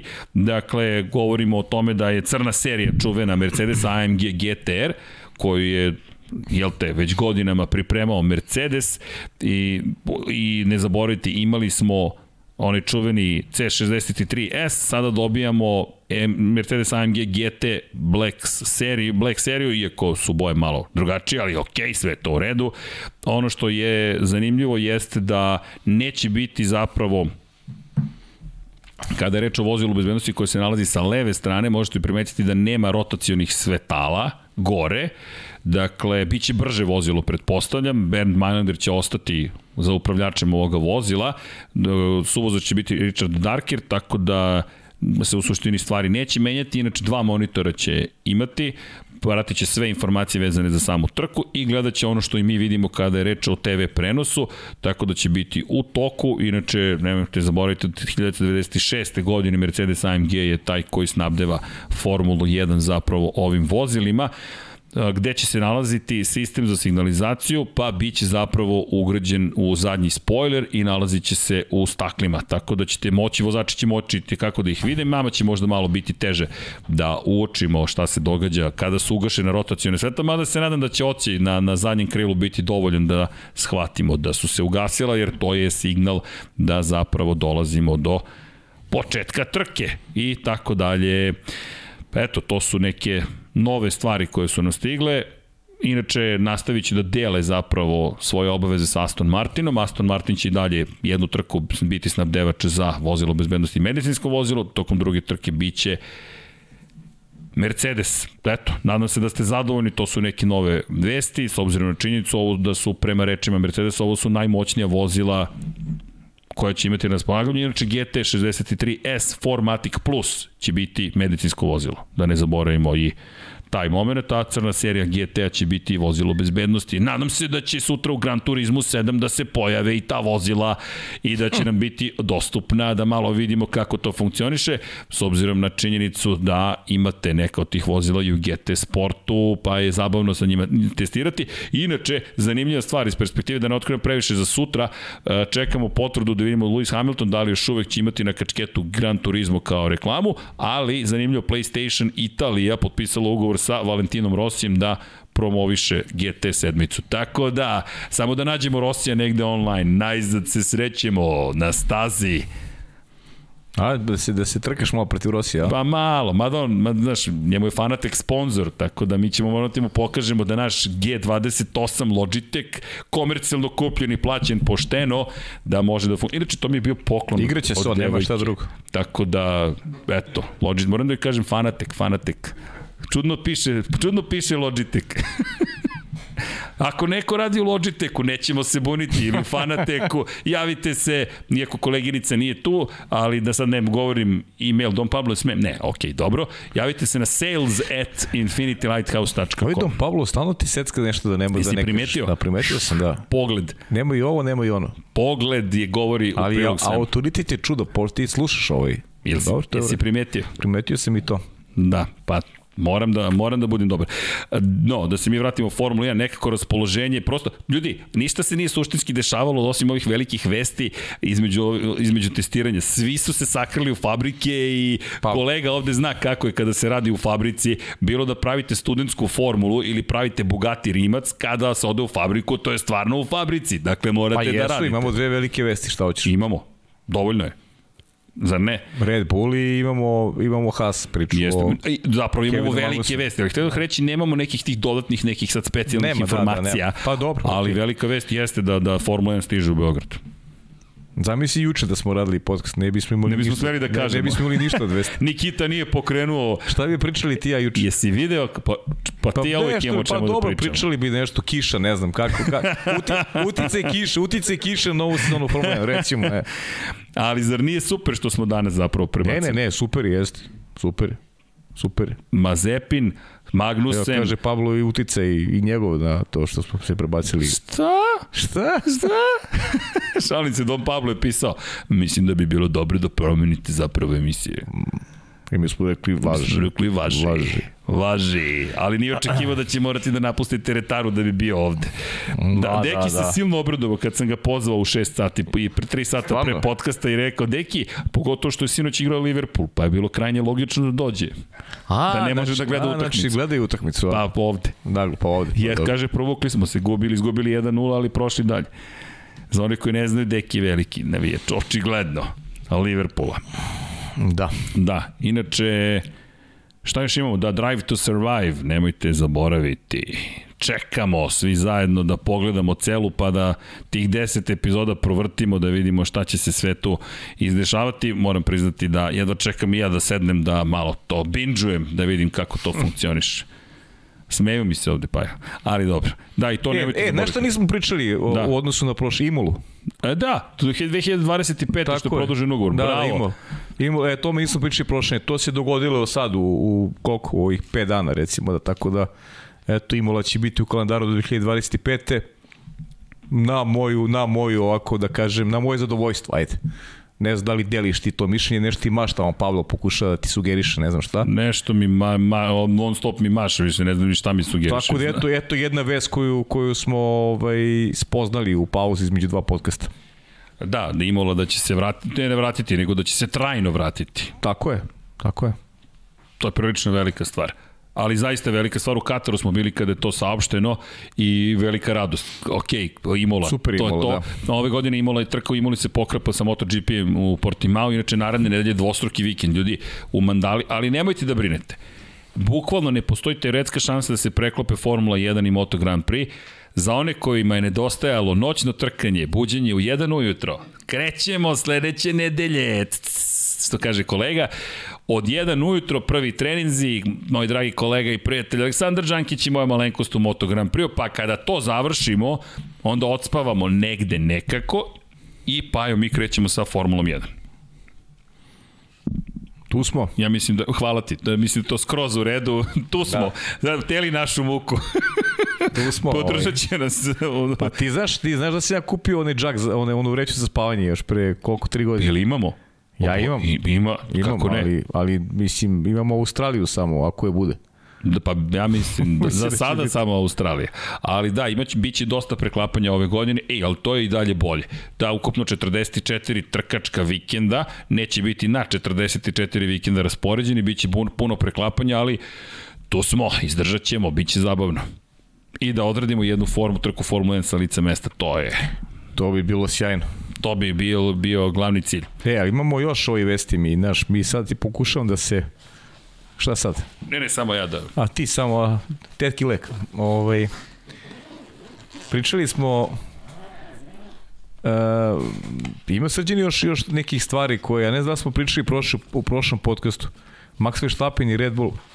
Pričali smo o Red Bullu u Red Bullu na početku emisija Max koji će ostati u, uz austrijsku ekipu do 2028. godine. Ok, potpisivanje novog ugovora a priori ne znači da će neko ostati uh, kompletan ugovor uh, u tom timu, ali svakako da je Red Bull napravio jedan onako strateški sjajan potez, Max koji je osvojio prvu titulu sa, sa timom i nema dileme da, da je i Max prepoznao moment uh, gde treba u krajnjem slučaju da naplati ono što, što je ostvario prošle godine, a opet s druge strane sa ekipom koja mu i dala šansu u Formuli 1 da pokuša da postavi ovako jedan standard da možda najavi novu dominaciju koju je svoje vreme imao i Sebastian Vettel koji je imao u krajnjem slučaju Hamilton u, u ekipi Mercedesa, tako da eto i to je još jedna priča koja je Pa to je zapravo možda i najveća I priča. najveća priča, da. To je možda i najveća priča i hvala ti na tom podsjetniku.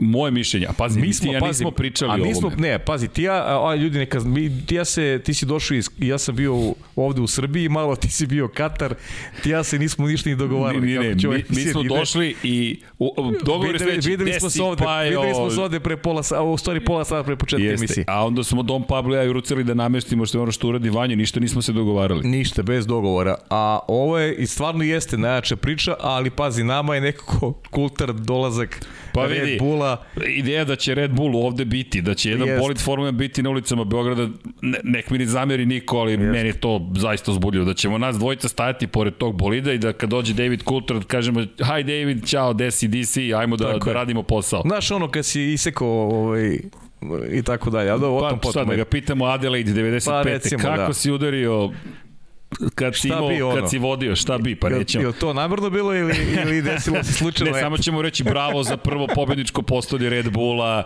kada si yes, Hornera da. natero da go skače u bazen, to su stvari o kojima pri, pričamo, ali sad nije šala, taj čovek biće tu i jedan od zadataka će naš biti da kažemo, ok, DC, ajde da te uvedemo u celu ovu priču. A ako se čudo desi da ga zaista nekako dovedemo ovde, ok, ok, tu pored Đokovićevog potpisa kažemo DC, Đoković, Pa jeste, to su velike zvezde koje su ovde bile. Ako yes. prati Waterpolo, ih biće oduševljen, ali nisam, ne znam koliko je sad u Waterpolo u Britaniji. E, pre 100 godina. ok, pa taman 100 godišnjica da, trki tako pa dalje. Samo malo karikiramo. Ali, ali da se ali vratimo nije, mi na Maxa Verstappena. Da. E, nismo pričali, ali znaš Nismo. ko je moj bio utisak kada sam čuo da je produžio do kraja 2028. Mm -hmm. Red Bull i Sebastian, prosti Sebastian Vettel, ali eto, to ti je, on, to ti je pa, da, podsvest, da, podsvest da. i Max Verstappen hoće da obore rekord Luisa Hamiltona. To je moje ubeđenje, da će im to biti cilj. Ne kažem da je to niti lako, niti izvesno, niti da će to uraditi, ali ako ti imaš jednu titulu, a on je rekao da mu dovoljna jedna titula, nešto mu ne verujem baš, da je Pa ne verujem, ne verujem ni jednom vozaču. Znaš kome, kome sam verovao? Kome? Pa Niku Rosbergu. On je, on je, on je svoje reči pa on potkrepio pa da, akcijama. On, njemu je bilo dovoljno jer se penzionisao, ono pošto svoju tu jednu titulu. On je samo rekao, hvala lepo, kraj priče, ja sam završio. Ali, ali pametan je Max, mislim, šta, šta će priča, želim osam titula. Pa, pa ima, ima samo ne, jedno, nema. polako, znaš, svestan je koliko je tajming bitan. Opet, s druge strane, mislim da je logičan ovaj izbor potpisivanja novog ugovora sa Red Bullom, jer Red Bull je neko i njegovo prirodno stanište, a pritom okruženi ljudima koji očigledno, ne očigledno, nego koji su pokazali u x navrate da znaju da rade posao, tako da tako da je ostao na pravom mestu u krajnjem slučaju srđene ukoliko se pojavi u neko dogledno vreme, recimo, ne znam, za dve godine postane tri, postane Ferrari dominantan, pa to se lako rešava ako, ako želiš maksa konkretno, uh, lako se plati i da kažem ovaj, i neko obeštećenje po znacima navoda, pa pa sebi priuštiš i, i vozača koga, koga želiš. Tako da, početna ta, ta, ta, ta, ta stvar koju radio Max Verstappen, popisivanje novog ugovora, mislim da je da je potpuno logičan sled događaja. Meni se, vidi, mislim da si sve rekao u suštini i ono što se meni čini iz perspektive i ugovora, klauzula koja postoje u ugovoru, jeste da negde sigurno piše ukoliko rezultati Red Bulla ne budu adekvatni, da on može da šeta. Ti, ti, znaš, ti znaš da je Max to ima uvek. Uvek je imao. I to su bile one, one klauzule koje su onako govorile ukoliko ne bude u prvom delu sezone među dva najbolje vozača da možda pregovora s drugim timovima. I, i to su te neke, neke priče koje sigurno mi sad ne znamo kako izgleda klauzula novog ugovora ali sigurno se Max tom pogledu zaštitio kako bi mogao eventualno da vozi neku ekipu koja će, kažem, ukoliko postane dominantna, svako će on želiti da vozi za ekipu koja je možda osvoje šampionski titul. A, e, a, a ovo mu daje savršenu mogućnost da nastavi saradnju sa Red Bullom, s kojim je već osvojio Just. titulu, pri čemu verujem da je finansijski vrlo izdašan taj ugovor. O, to, to nemam dilemu. Dakle, da su oni rekli, ej, mi tebe želimo, jer Max Verstappen je velika zvezda. To, to je njegova monetarna vrednost. Yes. Ne samo vrednost kao vozača, već nekoga koji je bukvalno može da bude marketinški projekat je ogromna i mi imamo situaciju, evo, pa evo, Katar, Moto Grand da. Prix, kada smo stigli, tribine su poluprazne, Bukvalno, tek za trku Moto Grand Prix-a mi imamo situaciju u kojoj se pojavljuje možda 2-3 hiljade ljudi. 8 hiljada ljudi su glavne tribine, u Kataru su najmanje tribine od svih trka koje smo imali, pogotovo Formula 1 i Katar zapravo promoviše više uh -huh. svoju državu, to je marketinški projekat. Staza je već skoro 20 godina u Moto Grand Prix od 2004. godine kada je sagrađena, ali Formula 1 je popunila tribine koje su bile boje tribina, bile su naranđaste. Dakle, Max Verstappen je de facto popunio te tribine. Ono što ne da. znamo, da je bio van borbe za titul ili da nije toliko brz, da li bi se popunile tribine i da li je to moć Formule 1? Jer Formula 1 dalje najveći trkački sport yes. na svetu, najveća trkačka disciplina. 108 miliona ljudi gledalo poslednju trku. 101, to smo pričali, gledalo Super Bowl. To je, to je velika stvar. E sad, Inače, tu ima još jedna zanimljiva tema o kojoj nismo pričali, a, a tiče se upravo te, tog, te potere zapravo za, za rezultatima i, i jedan od komentara je zapravo bio da je da Frederik Vaser je rekao da sve ovo što se događa iz perspektive, sad pro, ni čak ni problem, nego ima, im, postoje nešto drugo. Vaser nije pričao o problemu, nego o tome koliko je dobro za timove da hype koji se stvorio, da prevedem bukvalno ta pomama za Formulom 1 donosi nove sponzore i rekao je da je zaista zahvaljujući onome što je uradila Formula 1 u prethodne dve godine kada je reč o promociji sporta. I sad, da se vrati na Katar i Maxa Verstappena, ti imaš sport koji je u porastu kada je reč o gledanosti, imaš sport koji je u porastu po pitanju razgovora o njemu, pa i konačno ovo što mi radimo i društvene mreže šta sve donose, šta je sve Formula 1 zajedno sa timovima učinila, Maxa Verstappena čini važnom zvezdom. I sad, Lewis Hamilton je velika zvezda, Max Verstappen je velika zvezda. Charles Leclerc je velika zvezda, još ako Ferrari profunkcioniše, ljudi, sa, sa njima, ili možete staviti Carlosa Sainca, ali Sainz je manja zvezda odnosno na Charles Leclerc.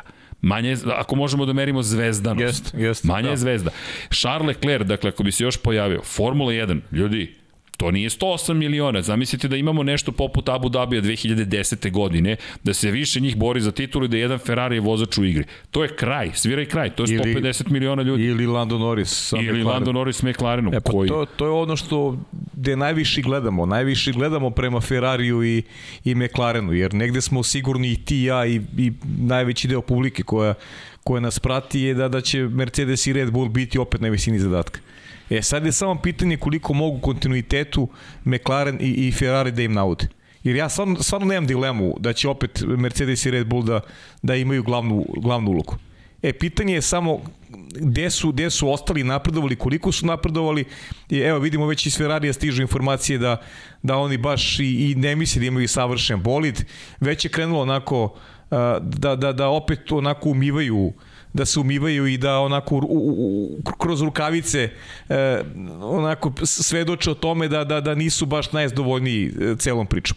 Zato će Bahrein testiranje biti jako važno e, da da negde spoznamo kakvo je, kakvo je realno stanje stvari, a uh, ono što smo eto i po, počeli ovu temu vezano je za, za Maxa Verstappena, evo još jednom da ponovim, mislim da je, da je Max uradio pravi potezi, ne treba menjati tim koji dobija, a Max je svoju titulu u sezoni kada je Mercedes zaista bio jako, jako dobar, prekinuo je dominaciju nemačke ekipe i mislim da uh, nije postoje bolji tajming da obelodani svoju odluku i da i da ostane u, u vezi sa sa austrijskim timom. Znaš šta je jedino što je možda nedostajalo u toj celoj priči? Toliko je dešavanja u Formuli 1, marketinški su možda mogli da sačekaju neku situaciju, ali mislim da niko od njih nije mogao da predvidi da će se dešavati sve što se dešava na globalnom nivou politički, da će Mazepin biti toliko da, velika ali, ali, tema, da, Magnussen i sve to. Ali se ovom šuška već jedan duži vremenski period, ovo nije, Kažem ti, nije ništa novo, u suštini možda i, i zato smo i mi nekako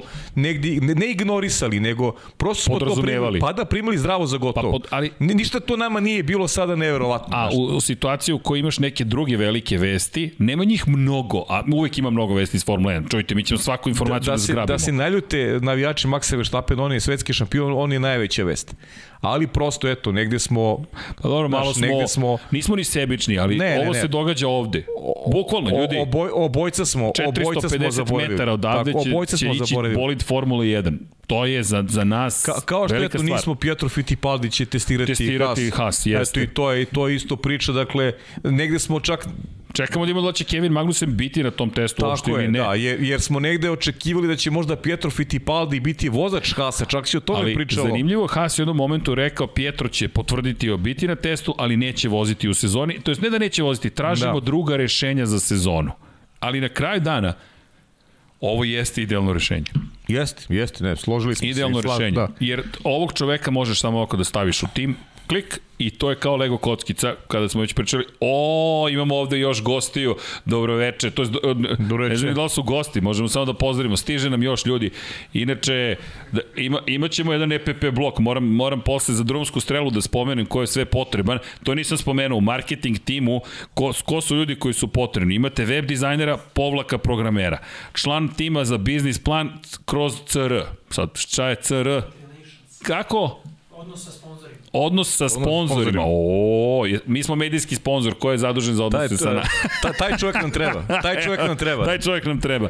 O, imamo mi, imamo, to da, nam treba. Je, pa ti si već tu, Dom Pablo uteruje strah i još koleginica iz prodaje, šta će nam ljudi više.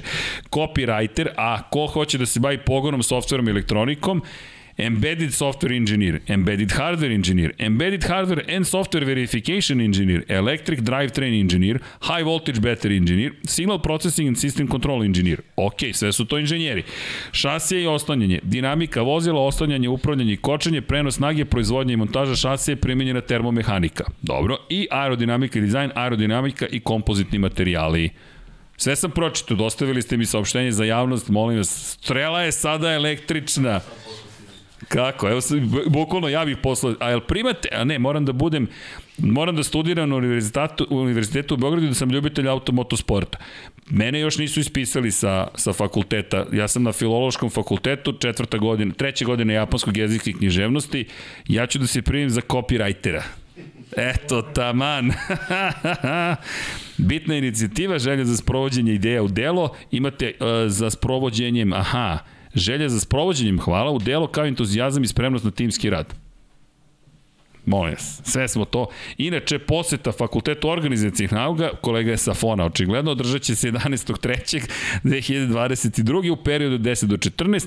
Poseta Tehnološkom metaloškom fakultetu održat će se 10.3. u periodu 10 do 14. Konkurs je otvoren do 13.3. Detaljne informacije, daćemo vam link, sada upravo ćemo da postavimo, pa ko voli studenti izvolite, šest fakulteta ili šest učestvuje u svemu, kritikovan sam što stalno spominjem mašince na vezu i onda sam rekao, dobro, nećemo samo mašince. Spominjat ćemo i tehnološko-metalurški. I, I fon, i filologije, i sve. Ko još ima? Koga nisam spomenuo? Arhitektura. Arhitektura? I? ETF. ETF, ma ne, ETF, znate da smo u to, mašinci ETF-ovci, šalim se, šalim se, to je pozdrav svim ETF-ovcima. Evo u chat ću da ubacim Pa ljudi, ko želi neka Neka, ja se nadam, prijavi se ako ste student Beogradskog fakulteta. Čuli ste sve i naravno, ukoliko, inače, juče smo pričali o tome, čekajte samo da stavim, opa, pobeže mi, evo ga, evo ga za konkurs ljudi, pa ko zaista želi da ide nekim svojim putem, neka se prijavi. Inače kažu da pada sneg u Beogradu što me fantastično dovodi do jedne neverovatne priče o tome da ako imate sponzora kao što OMV i koristite Max Motion gorivo na koliko 63 OMV pumpe širom Srbije možete da vozite i na minus 38 jer To je gorivo sa kojim se bezbedno kreće na putovanje, aktivno štiti motor i pratite na svim zimskim avanturama. Tamo kada sam pomislio vraćajući se iz pustinje nema više zimskih avantura, OMV dobija poklon, to je sneg i onda mi možemo u okviru kampanje promocije Max Motiona da kažemo da u svim uslovima putovanja će vam pomoći. I još jedna dobra stvar u celoj priči, imate sjajnu kafu. Dakle, kada govorimo o avanturi, ne mora da bude zimsko, uskoro će da stigne proleće, međutim ko voli kaficu, single origin 100 od 100 arabika, espresso, americano, latte, macchiato, cappuccino, šta god želite da, da smislite, možete i lepo se odmorite, uvek pravite pauze kada putujete, molim vas, najviše na 3 sata, ali i na manje. Na sat i postanete, desetak, 5 50 minuta, odmorite malo noge, protegnete se i to je to, evo, na 2 sata može, Tako da, eto, ovde imate vode se računaju o bezbednosti, tako da mogli bismo da testiramo ovaj Black Edition AMG, prosto da vidimo zbog bezbednosti kako to funkcioniše. Zar ne? I Elem, hvala još jednom našem sponzoru. Čekaj, pogledaj, pogledaj Petre, Petar nam je tu iz drumske strele. Između OMV i Huge Media, između naših sponzora stoji drumska strela. Pa molim vas, pa kolega, pa ma, molim vas, ljubav prema školovanju. I naravno šta imamo još? Koliko dugo ću još da uživam u putovanjima? Sve dok postoje još neotkriveni predeli i sneg još uvek neukroćen. Za više bezbrižnih putovanja OMV Max Motion Diesel produžava životni vek motora. OMV Energija za bolji život. Energija za bolje veče je Lab 76, tako da nadam se to da uživate. I evo, ove nedelje i utorak i sreda i četvrtak, znaš da smo imali problem u Kataru, nismo internet mogli da, da podesimo kako treba. Otkrio sam na pravom mestu u nedelju pre podne, ali sam otkrio. To su čudne neke da, situacije. Znaš, za sledeći, za sledeći put budeš u Kataru. Pa vidi, ko zna gde će avantura da nas odvede, vidiš da. i sam ove godine. Znaš šta se zaboravio, apropo one, one priče? Mnogo toga smo zaboravili. Pa ne, ne, do, pa eto, znaš, ali bitno da se setimo, znaš. A dobro, vidi. Ka, kao, kao iz one pesme, Lebi Sol. Pravih se reči uvek kasno setim. Kad on Odgovor Pablo bude... kad ostane sam. Da, kad bude stop stream uradio. to, to. Ne, onda nego, ćemo da se e, setimo. nego Rusije neće biti u kalendaru. Da, Rusija, pa to smo i očekivali. Znamo, trebalo bude sam, treba bude sam Peterburg sledeće godine, raskinuti ugovor, tako da, eto, apropo priče sama Zepinom, da. I Imola je zato pa, je se otvorila je, ista situacija. Je, da... Potvrđuješ još jedno mesto i vidjet ćemo ko će da zauzme rusku poziciju. Mi verujemo da je to Turska, pošto se već videlo da se prodaju ulaznice pa, gotovo, za Tursku. gotovo izvesno, da. Mm. Ali eto, bila je, San Peterburg je bio u kalendaru 2023. Neće ga biti definitivno, raskinuti ugovori. Da, da. Samo, samo ona priča apropo Mazepina, pa. znaš, to je teško da će se vratiti u Formulu 1. Vidi, ja, nažalost, ta, tako je situacija kakva je i kad gledamo šta se sve dešava, bojim se da će ovo dosta pa da, dugo da traje. Trajeće. Baš će dugo da traje. Ali da se mi vratimo na, na Dom Pablo mi je ovde u problemu. Kolega, moram da vam nešto kažem. E, Mislim da više ništa nismo taj zaboravili. Taj kabel, možete da i, isključite taj konkretno ruter iz struje i vratite ga. To je jedino što može da se desi. E, ne, ozbiljno, isključite taj, pošto ovde naše kolege iz Obne Obradija su ostali bez interneta, mi nismo, ali uh, samo možete iz struje crni, crni, bukvalno modem, ne, ne to, ne, ne, te, tu, e to, ta, tako, i čupajte iz struje, ne, ne, 10, ne, ne, 10 sekundi morate, ne, ne, ne, ne, izvucite i sačekajte 10 sekundi, zato što postoji još uvek unutra elektricitet i dok se sad isprazne svi tranzistori i završi se pražnjenje sistema, e, sada boc i sad može da se desi da će to proraditi. Dajte mu jedno dva minuta, kolege imaju internet, neću da spomenjam kompaniju, mi ne koristimo njihove usluge, trenutno mi smo svoj internet preselili, ko, Aleksandar nam je pomogao oko toga, inače Aleksandar javljamo ti se sada kada smo stigli sa svih putovanja da završimo ovde rupa, ima koliko hoćeš, ali kabel je tu, tako da eto, to funkcioniše. Čim nas gledate, znači da naš internet funkcioniše. Ali nadam se da ćemo Bravo da smo naš podigli, internet, tako bravo. je i radio obne, ob, da smo, to je Dom Pablo ostao jedno veče i onda smo tako tražili ta rešenja. Ele, mi idemo dalje. Da, da li smo, ima, ima još informacija, uvek ima naravno novih informacija. Dakle, inače, znaš da sam video Borisa u Kataru. Penzionera. A, pisao, pisao mi je, da. Da, da. I oduševili su se kako zvuči Moto Grand Prix. Evo, nek Boris je u četu pa nek kaže. A što ga zoveš penzion, penzioner? Otišu u penziju čovjek. Dobro. Bukvalno je otišu u penziju. Sad će se oglasi, verovatno. Verovatno. Ali da se mi vratimo nazad na Formulu 1, ima tu još nekih stvari. E, dakle, ono što je zanimljivo iz perspektive teme koje smo imali prošle nedelje, a to su morski prasići i spomenjali se taj efekat morske svinje, zapravo tog podrhtavanja bolida dok se spušta niz pravac, smeju se svi, ali zapravo tako su ga sami prozvali purposing, dakle morsko prase, ako je morsko prase. Carlos Sainz je rekao da se nada ne, da neće još, mo, ne, neće još dugo trajati ta situacija i da će naći rešenje pre kraja sezone. Španac je rekao da je osjećaj prilično loš kada se krećete preko 300 km na čas i iskakućete nekih 3 do 4 cm, da budem precizni, razio se dosta mašinski 30 do 40 mm, rekao da to je i tekako, i tekako nervira i rekao je da se nada da će to uskoro rešiti. Alfa Romeo i Valtteri Bottas su imali najviše problema. Ono što je rekao Bottas je rekao i ono što smo pretpostavili, utiče manje više na sve nije udobno kada se to desi, ali nije to toliko problem. Problem je što vizualno vi imate podrhtavanje koje utiče na to da ne vidite tačno gde se nalazite. Ono što je takođe veoma problematično je što nivo prijanjanja nizgon zapravo ide gore, dole, gore, dole i e, utiče na kočenje, utiče na stabilnost vozila, na balans, na ravnotežu, a prvu stvar koju tražite kolege, ispravite me ako grešim, je balans vozila. Kada nađete ravnotežu, to je balans vozila, šta znači balans vozila? Pa, ponašanje prilikom kočenja, dodavanja gasa, kretanja kroz krivine, ako ste tu van balansa, van ravnoteže, ili ćete imati preupravljanje ili podupravljanje, želite jedan neutralan bolid, uslovno rečeno, to je da bude dovoljno stabilan. U Formuli 1 kada vidite na volanu kako menjaju front brake bias takozvani, to znači da između krivine iz koje su upravo izašli i sledeće krivine žele da promene opterećenje, to je prenos koji će ići na prednje točkove i onda na primjer pode se 56, 58, to znači da 58 od 100 jel te je napred, ostalih 42 odsto je pozadi i na taj način želite od krivine do krivine zapravo da podesite da vidite kako će se ponašati bolid.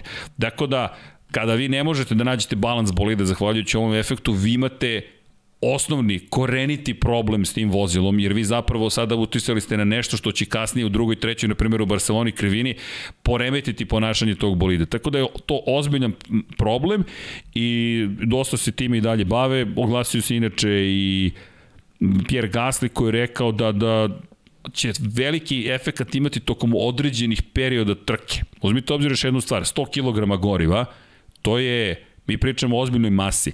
Dakle, ovi bolidi će imati skoro 800 kg, 100 kg, dakle, uzmite obzir 100 kg je nekih 14% od otprilike dodatnih na, na to što imamo. Ja sam dobro izračunao kolege, tu smo negde. I sada, vama će se taj bolid isprazniti. Menja se ponašanje bolida u skladu sa time koliko je rezervoar pun.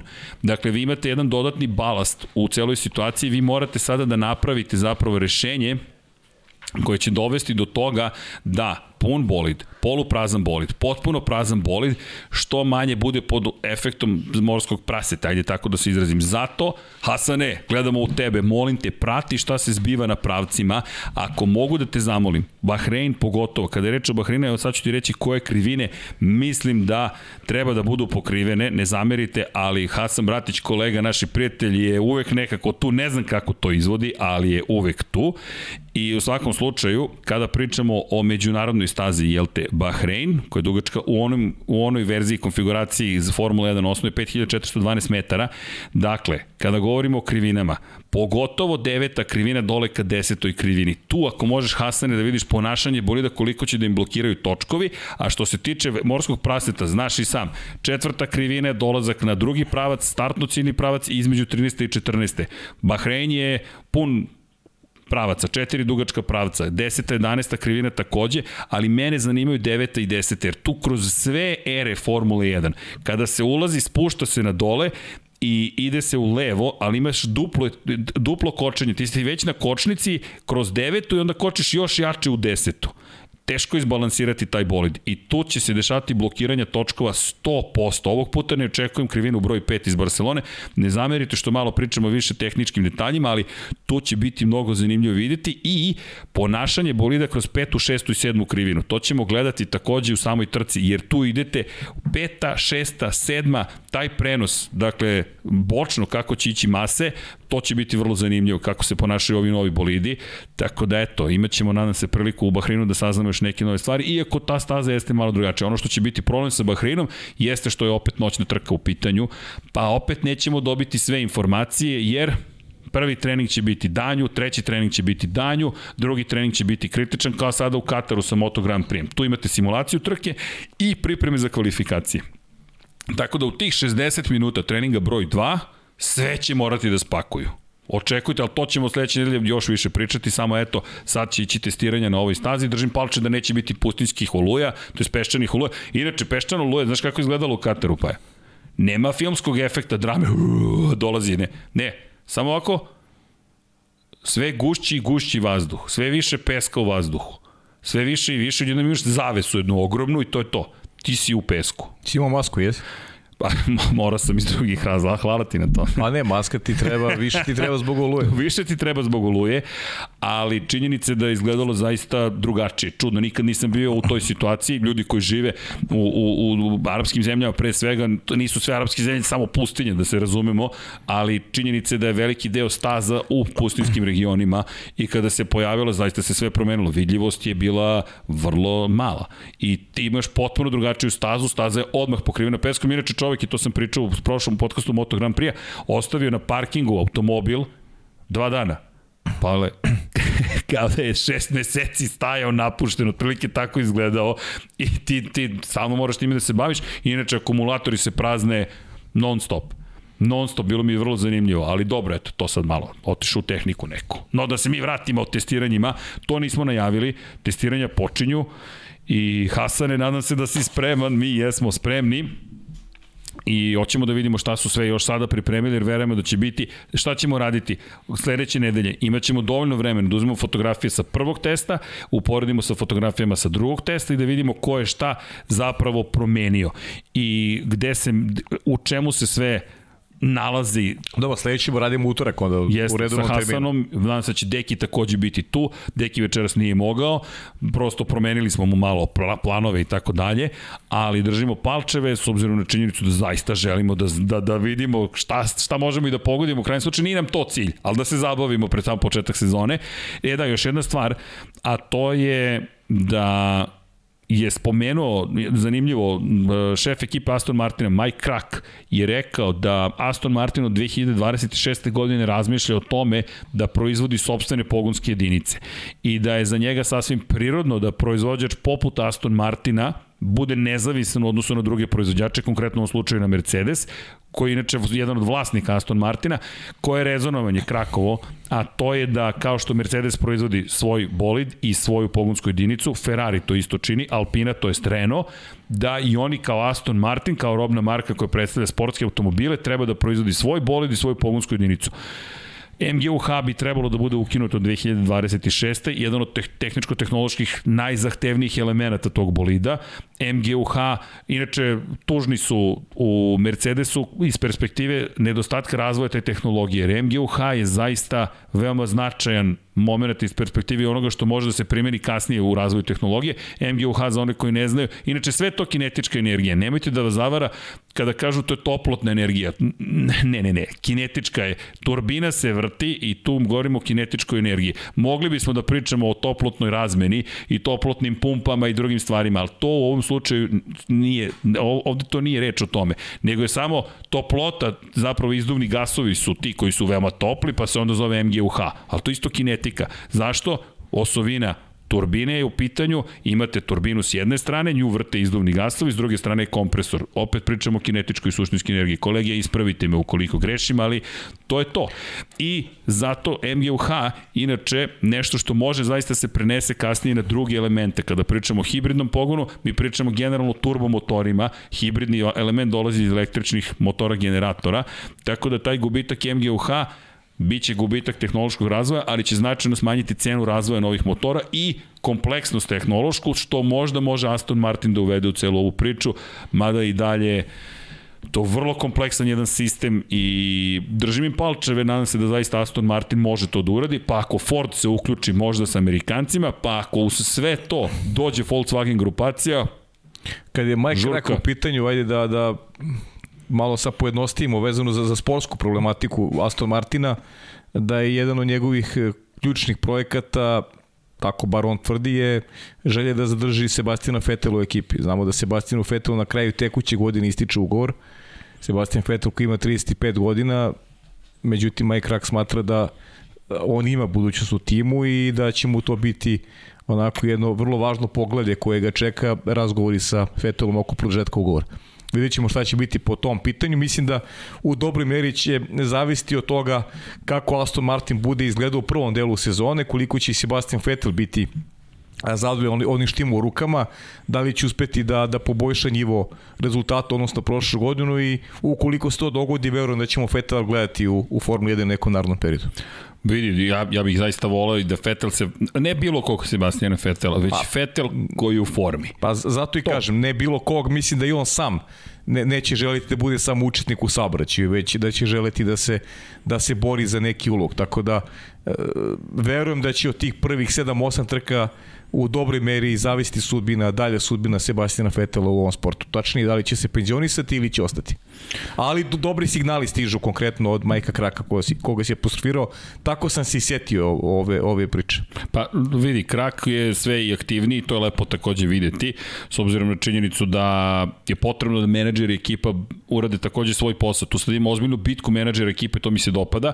Ko mi nedostaje u menadžerima ekipa, Alpini, kod Alpini ne vidim nikoga. Da, Davide Brive koji je doveden iz Suzuki i Moto Grand Prix, ne vidim. Alpini su se bavili nekim drugim stvarima, promeni, promene motora, levo, desno, nisu potpuno na, na drugačijem kursu u odnosu na, na, na ono što su što su zamislili uh, pred, pred ovaj novi ciklus Formule 1, ali pričamo nešto više tome tokom sledećeg podcasta zbog toga što ćemo imati opipljivije rezultate na testiranju Bahrinu, ono što si, to si naveo kao, kao a, temu za, za sledeći vikend. Da, u da sledećeg vikenda nedelje, ljudi, tačni. E, sledeći, sledeći, sledeći vikend je for je trka, da, a sledeći da, nedelje sledeći, ali to ti to, Lab 76 kao da. da ti je, kao da je vikend zapravo u pitanju. Da, ali... Pa zašto smo opušteni kao da je vikend u pitanju? Da, pa naravno. da. e, inače, kada pričamo, eto, kada su nam tu i studenti i tako dalje i tako dalje. Ima jedno, jedno, jedno pitanje za tebe, kad budemo prešli na pitanja, mislim da će to uskoro se dogodi. Ajde, podsjeti me samo, molim te. Ali ovo je bitno pa, iz perspektive okay, školovanja. Ajde. Šta se dešava? Slušaj sad ovo. Harvard univerzitet. Ko drži predavanje tamo? Čovek koji je napustio fakultet. Zove se Toto preziva Wolf. Tako da, Pajo, slediti budućnost kao profesora na nekom univerzitetu. Ali eto, ne biste to pomislili, međutim, po, business students Harvarda su dobili, jednostavno, on je sebe nazvao akademskim gubitnikom, i, ali je istovremeno zvanično najuspešniji šef jedne ekipe Formula 1 u istoriji sporta. Ide tamo da nauči nešto ili da... pa ne, vidi, ne idemo tako loše. ali u svakom slučaju, da, to je inače f1.com preneo kod Harvard, profesora na Harvardu Alita Alita Eldbers je držao na, u okviru časa marketinga Toto Wolff je držao priču o tome koliko je kompleksna, kompleksna zapravo Formula 1, ali mislim da je to fenomenalno. Zamislite, vi ste studenti, dolazi vam šef ekipe Mercedesa. Pa, fantastično.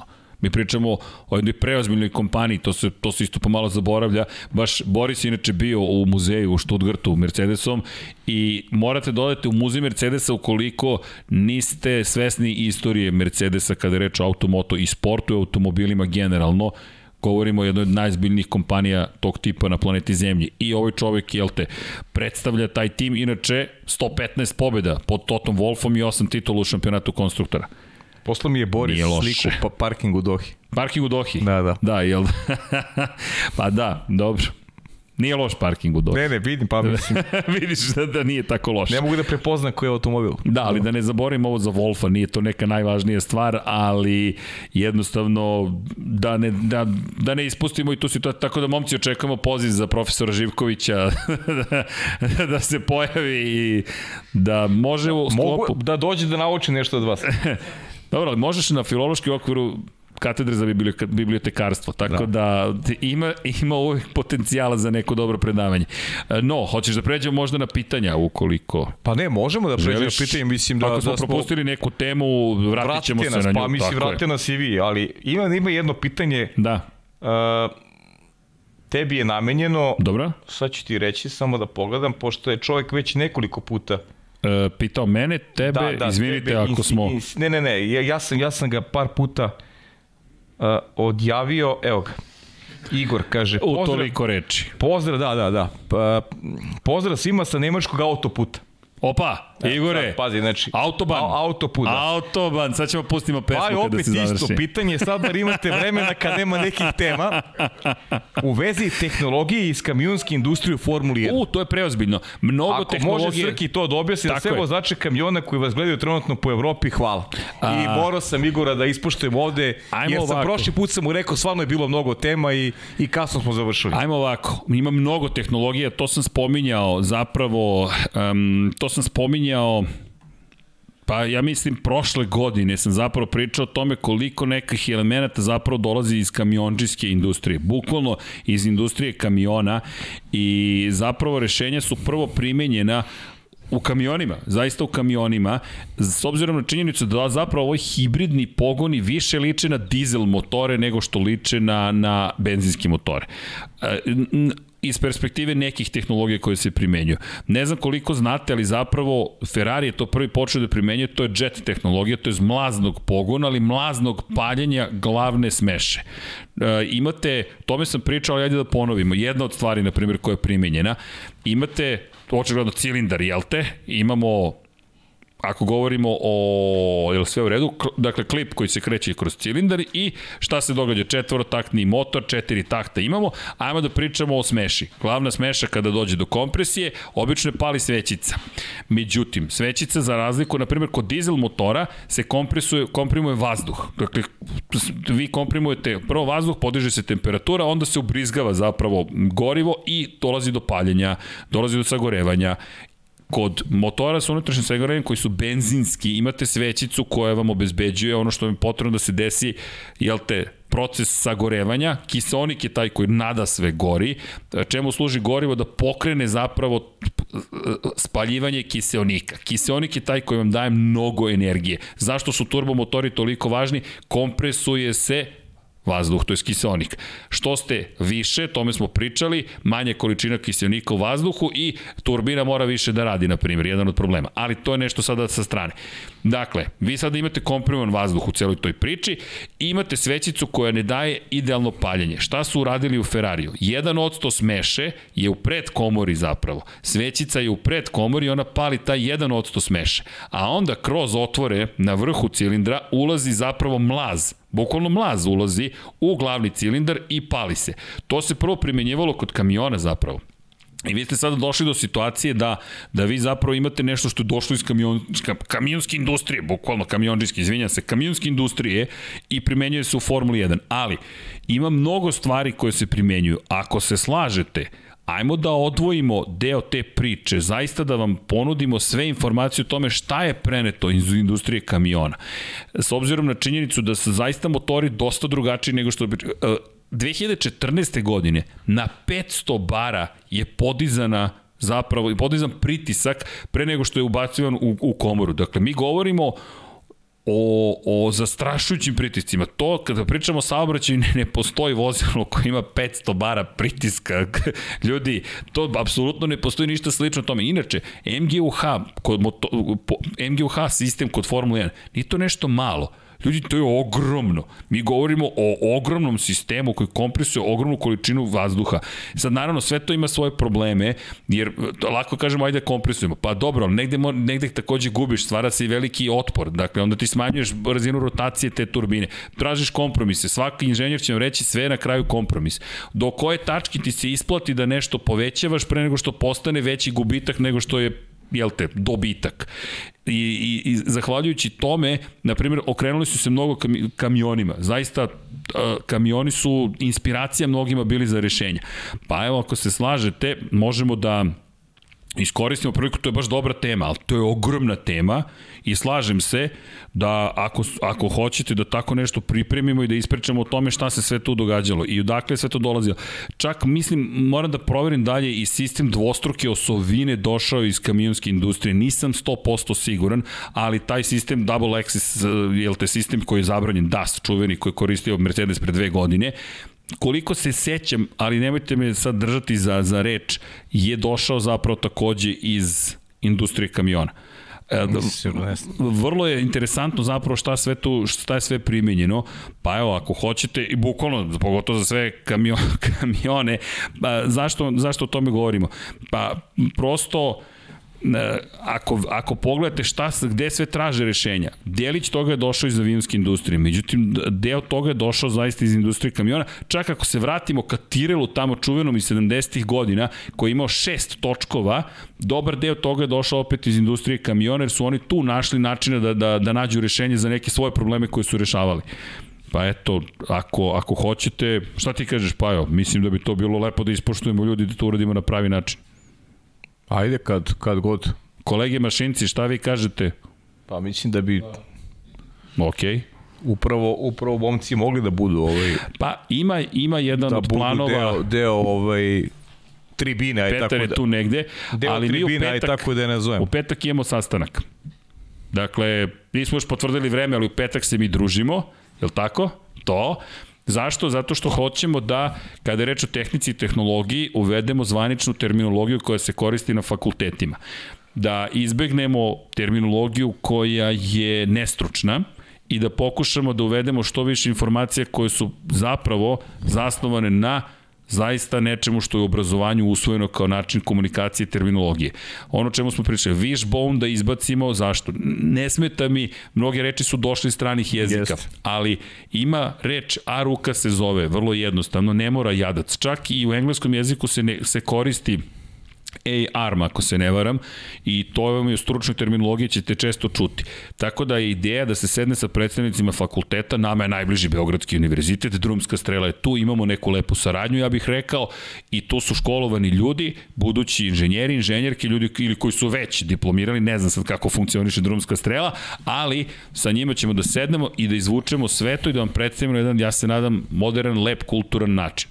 Tako da, ako hoćete, pošto bi to zaista, ja, mi, ja, to je jedan od naših ličnih projekata, inače i rečnik automotosporta pripremamo, za one koji ne znaju, to će sledeće godine, ja se nadam, izaći, to je ogroman posao.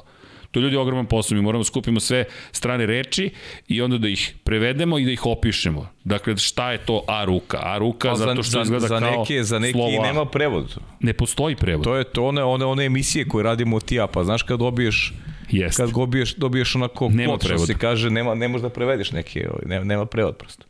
E, bukvalno nema prevoda i hajde, ako pričamo o o, o ciljevima, to su nam neki kratkoročni, dugoročni ciljevi i ja se iskreno nadam da ćemo uspeti u tome, volja postoji sa obe strane, ali eto, otišao sam malo na, na neku drugu stranu, pa sad, ili Igor beše? Igor, evo, pos, Šta kaže Igor? Poslo mi je sliku. Dobro. Sad ću da prosledim ovaj... Reci mi, da ja mogu da zamislim. poslo mi je sliku i kaže, E, evo sa autoputa slike i sad nešto razmišljam, Pa ja i svi mi dođemo delom vozače Formule 1. Da, tako Hvala je. Hvala na odgovor.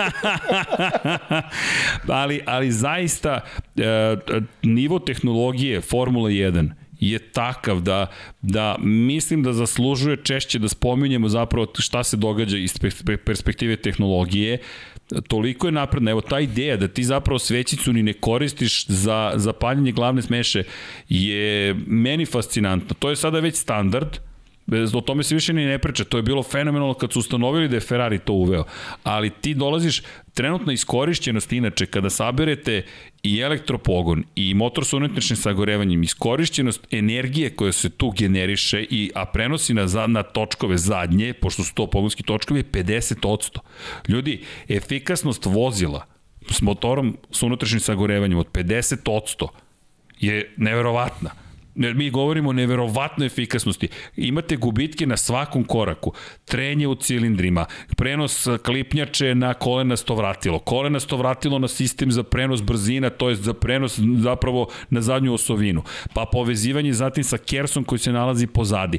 Pa otpor vazduha koji vam pruža vozilo, gde vi imate zapravo vozilo koje mora da ima što veći otpor vazduha da biste što idete brže imali što veću stabilnost u krivinama. To vam je tek pa paradoks na neki način. Vi pravite vozilo čiji otpor vazduha poput kamiona, da bi ono moglo da prođe kroz krivinu broj 3 u Barceloni uzbrdo brzinom od 250 km na čas.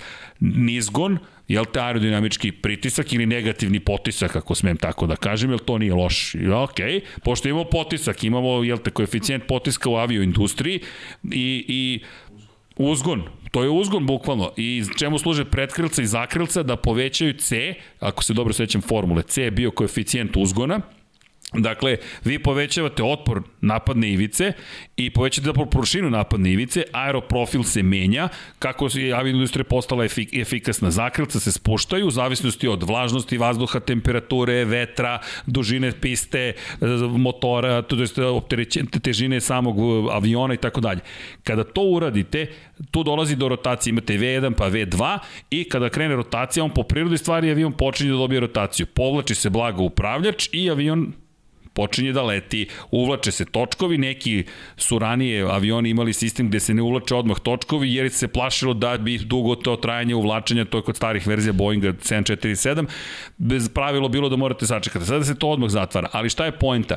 Vi kako krenete da letite, obratite pažnju kada letite. U jednom momentu, posle tog initial take-off i ITO takozvani, vi uvlačite pretkrilca i zakrilca. Smanjuje se sada otpor vazduha, vi ste ga povećali, smanjuje se koeficijent uzgona, ali vi možete da postignete mnogo veću brzinu kasnije uz što manje goriva. Ubrzanje je proces kada se troši najviše goriva. Kada dođete na e, krestarenje, visinu krestarenja i brzinu krestarenja, tada autopilot igra ogromnu ulogu sada. Piloti znaju o čemu govorim, koliko je bez autopilota bilo teško preletiti Atlantik, na primjer. Na, gas dodaj oduzmi, dodaj oduzmi, jer vi zapravo ne letite pravo, vi letite pod uglom. Vi imate na, ugao praktično kojim letite, jer tako održavate visinu. I to se menja kako menjate, jel te, poziciju gde se na, imate, sad da ne ulazim predaleko, već sam i onako otišao predaleko. Elem, u Formuli yes. 1, nizgon, imate i dolazite do situacije da, inače to su male brzine, avioindustrija može samo do nekle da pomogne Formuli 1. Za avioindustriju brzina Formula 1 je mala brzina. To su neozbiljne brzine, nisu neozbiljne, tu se govori o nečem drugom. Kada pređete 350 km čas, dođete na 700, to nema više veze nikakve sa Formulom 1. Ne ide 700 na sat Formula 1. Elem, Da se vratimo na ovo, pozdrav za... Imamo fotografiju. Odoh ja u ludilo. Što si pokrenuo tu temu? Da je Evo, to... Evo, Igore. to, Igore, hvala. Igor, Igor u svojoj formuli. Sjajno. Pa ovo, to, ovo je, ako se ne vara, negde u blizini Offenbacha. Šalim se, Igore.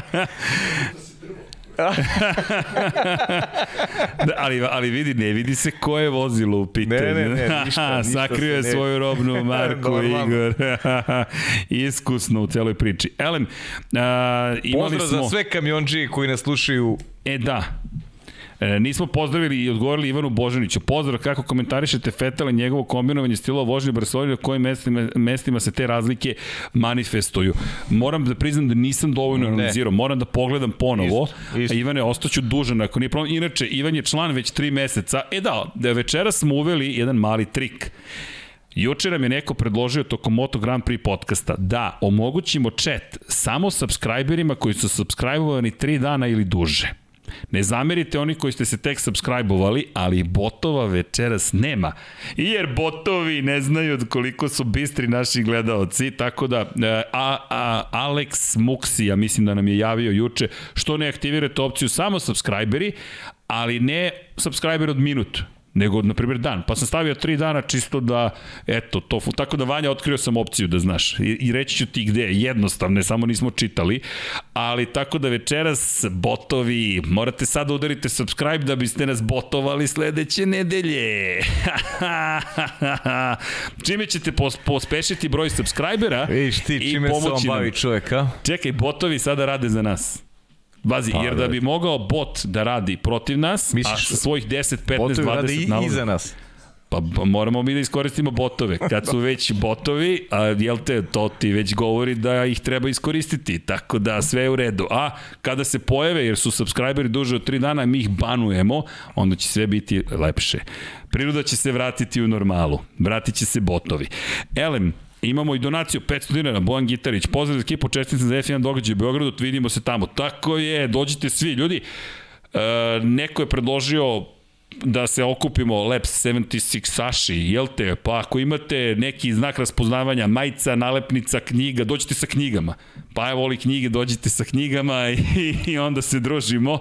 Deki tamo da dođe, potpisano i tako dalje. Nećemo da hakujemo event, to je Red Bullov event, naravno, ali dođite da se mi družimo A pitaćemo organizatore, može na mala tribina, na krivinama 7 i 6 ovaj, za ekipu. To krivine 7 i 6 da budu naše krivine. Na stazama en general, što kažu. Ok. To je logično da budu Da, što se sezone tiče, kaže Bojan, mislim da će timovi biti bliži nego ranije, očekuje nas interesantna sezona. Bojane, Daj Bože, Bojane. Držimo Potpisujemo da tako bude. Pot, bukvalno potpisujemo. Zoran Majdov, pozdrav momci, šta mislite da li je vez da Ferrari za razliku od drugih ne donosi velike nadogradnje bez, specifikacije, bez specifikaciju dobra, jer su sigurno da imaju dobar paket ili nisu shvatili neke stvari i ne znaju tačno šta bi i kako unapredili.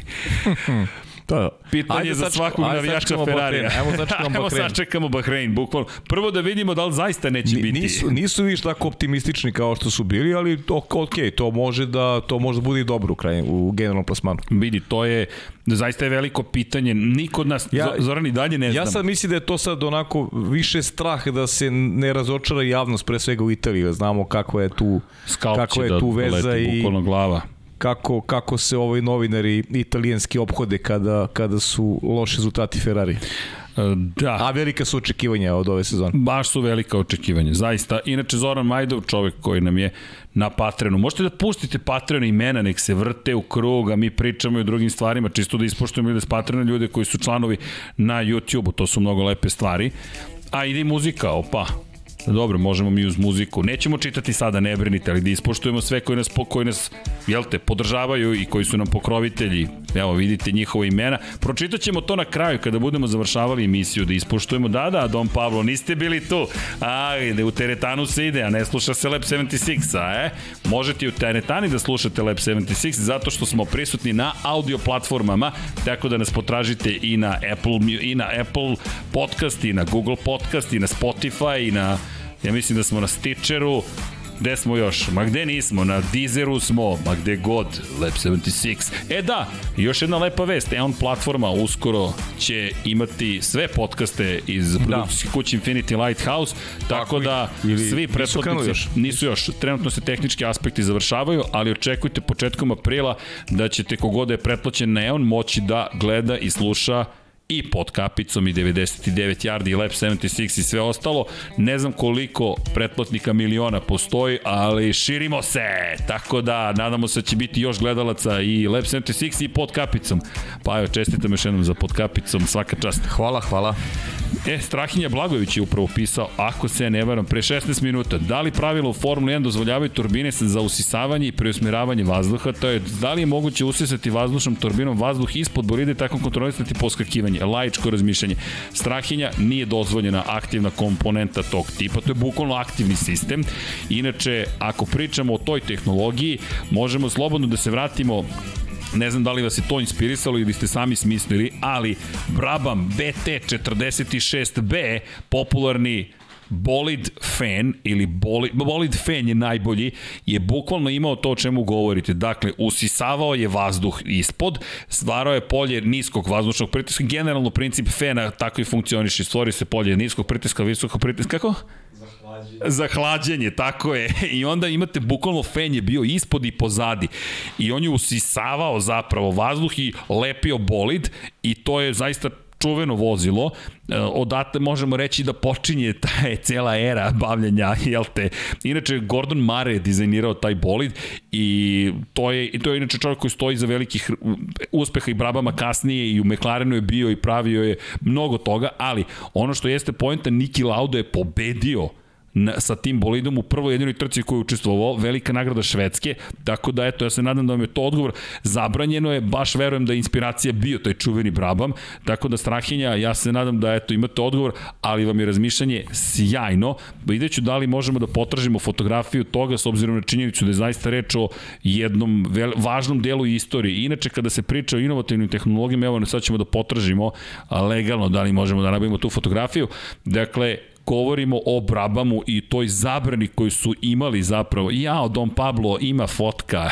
Jao, pa ovo je inspirativno. Imamo dve fotografije da vidite zapravo bukvalno je fan u pitanju. Ne, ne šalim se kada to govorim. Inače, uh, poslaću vam Don Pablo i kredit, ako možete da ubacite potpis, mada to možemo da ubacimo i u sam komentar, bit će to sve ok. Evo sad ćemo da downloadujemo i ubacimo odmah, pa da stavit ću na drive, da znate. Da vidite zapravo o čemu se radi. Ok, imamo još neka pitanja, pa imaš ti neka pitanja. Ne. ne nema pitanja. Čekaj, ne. ajmo odmah da se prebacimo na na chat. Ajmo da vidimo na chatu, verujem da ima pitanja. Dom Pablo, ja ću ovo da uploadujem na drive, pa vi samo ubacite, na isto mesto će biti gde su bili prethodne fotografije. Ja se Ima da Deki Andrić, kaže... Šta kaže Deki? Ćao, pa evo, piti Srki, jel dolazi u podcast David Kult, Coulthard i zašto da? E, zato što je DC car i zna gde treba da dođe.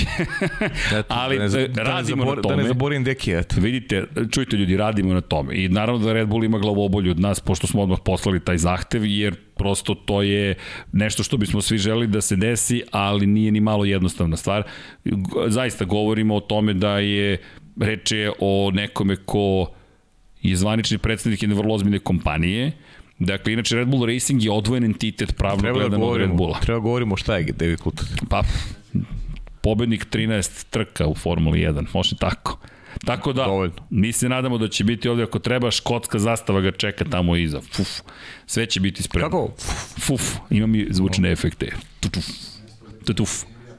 Ima Obama. pitanje srđan. Da li znate za još neke talentovane da li? vozače? Znamo za još neke talentovane vozače? Vozače, ruske vozače. Aha. Pa imaš ih. Pa isti je, ista je situacija. Pa da, ovaj mali Smolov. Pa da. Smolov koji vozi u, vozio je u Formuli 2. Švartman, Šva, bravo, Švartman, ne, Robert Švartman, najveće, najzvučnije ime. Tako je. Za sada nisu toliko u vestima, ali ljudi, teško će bilo ko moći da, da uradi bilo šta do daljnjeg sa, sa većinom ruskih, nažalost, sportista i sportistkinja. Dakle, bez obzira šta oni uradili ili ne uradili, to je, to je, mislim, možemo da se lažemo, ali to je situacija u kojoj se nalazi. i dalje vidim, evo recimo vidim da, da, se, da se Sidorkova sprema za Formulu W. Ona se sprema kao sa svojim timom, ali šta će da bude, ja ne znam, či, čisto usudnjamo da će da, će da, da će da vozi. Da. Znaš, tu su sad drugačije, ne znam, možda je drugačije ili manje, manje je novca i nema nekih, nisu pod, nisu po, po sve svetlima ovaj, Uh, svetske javnosti, ali eto, kažem ti, vidio sam slučajno juče ili prekjuče da se ona sprema navodno za, za Formulu W. Eto, ali vidjet ćemo šta će bude, ne znam. Da, držimo je palčeve, bukvalno. Mislim svima da, da pre svega ono što smo se da se ne vraćam ponovo na tu temu, ali ista je tema. Prvo ajmo da, da ljudi da to sve stane, da da da da, da, se normalizuje situacija. To to je to je prva stvar. Da. A ovo bojim se da da je situacija vrlo jasna. Uh, A, sad, sad samo da bacim pogled na chat, nisam uspeo među vremenu, izvinite. Dakle, Srki, reci mi šta misliš o potpuno dizajnu zadnjem krilu kod McLaren? Malo ga je prokomentariš ako možeš, vrlo je ekstremno, poslan sam sliku na Instagramu DM, Aca Ristić. Aco, ajmo da sačekamo... Uh, pa ja sam isto odgovorio na to pitanje, ali porukom da sačekamo Bahrein. Ba, bukvalno ajmo da sačekamo mislim, novi mislim da- Bahrein. Da, da je najbolje, najbolje da u utorak Tako je. Kada bude imali neke rezultate i kada bude i Hasan poslao slike, pa ćemo onda da, da komentarišemo. E, da, inače, Tovislav Pinter, pozdrav ljudi, svaka čast na ome za GT7, hvala. Drago mi je što smo tako pristupili, dali poverenje, samo da su pozdravim, treba će cirka sat i po od pokretanja igre da pokrene online natecanja. Okej, okay. e, dobro, dobro. A, napravite sajt za prodaju majica, možete i druge stvari polako. Sale Saks, vi ne znate za naš sajt, čekajte. Pa mi ni, odavno smo prestali, ne, ne, mi loš posao radimo u samopromociji shop.infinitylighthouse.com ne zamerite momci i devojke iz uh, jel te drumske streve, replace pinned message. Evo imate shop.infinitylighthouse.com, dakle posetite zvanično našu prodavnicu i možete da kupite i kačkete, i majice, i knjigu Kimija Rajkonena. Stiže Kim, Valentino Rossi knjiga. Imate knjigu o Šumacheru Dekija Potkonjaka. Stiže knjiga o Seni Dekija Potkonjaka i stiže još jedna knjiga o Waterpolu našeg dragog Pavla Živkovića. Da. Nećemo pričati još o datumima, u, ali je sve to u pripremi, tako da znate. Inače, sve što kupite je direktna podrška svemu što radimo. Kada pričamo o svemu što radimo, sve što vidite je Infinity Lighthouse. Dakle, ovo smo sve mi investirali i ono što ste vi uradili preko Patreona. Inače, sve je prijavljeno, kompanija postoji, plaćamo sve poreze, tako da je vrlo jednostavno. Preporuka ko hoće Patreon da koristi za nešto svoje, mi koristimo Payoneer, ne plaćaju nas za promociju. Patreon, kada vam se uplati, prebate se pare na Payoneer, Payoneer direktno uplati na vašu banku i to prijavite na konto donacija, jer to jesu vaše donacije. Tako da je to legalan način i onda država Srbija nama naplati porez na sve to, tako da eto, to, to vam je način da nas podržite. Dakle, Srki, da li Mercedes bio na početku hibridne ere favorit? Čini mi se da nije. Da li može neko drugih ekipa da iznenadi? Ne, ne, Mercedes je bio apsolutni favorit na početku hibridne ere. Mercedes je zapravo prvi počeo da razvija taj motor i cijel taj koncept jeste u velikoj meri uveden pod lobiranjem i uticajem Mercedesa. Mercedes je imao nekih 60 konjskih snaga više samo na motoru sa unutrašnjim sagorevanjem pre nego što je počelo takmičenje. Inače, inicijalno trebalo da se koristi četvorocilindrični motori. V4 je trebalo da bude bude u pitanju, ali su se pobunili, zaista su se pobunili, pre svega Ferrari se pobunio, potom Mercedes. Zašto? Pa samo zamislite da vam promovišu sportski automobil V4. U tom trenutku, 2013. 12. 11. kada se pričalo o pravilniku, 2012. je završen pravilnik, neko kaže kupi Ferrari V4. Ne baš jer to je to njihovi V12 motori su bili glavni motori, pa onda V10 u Formuli 1, pa V8 u automobilima. V6 to je prihvatljivo. To možete da prihvatite, ali V4 to mi je uz dužno poštovanje, ali to vam je golf.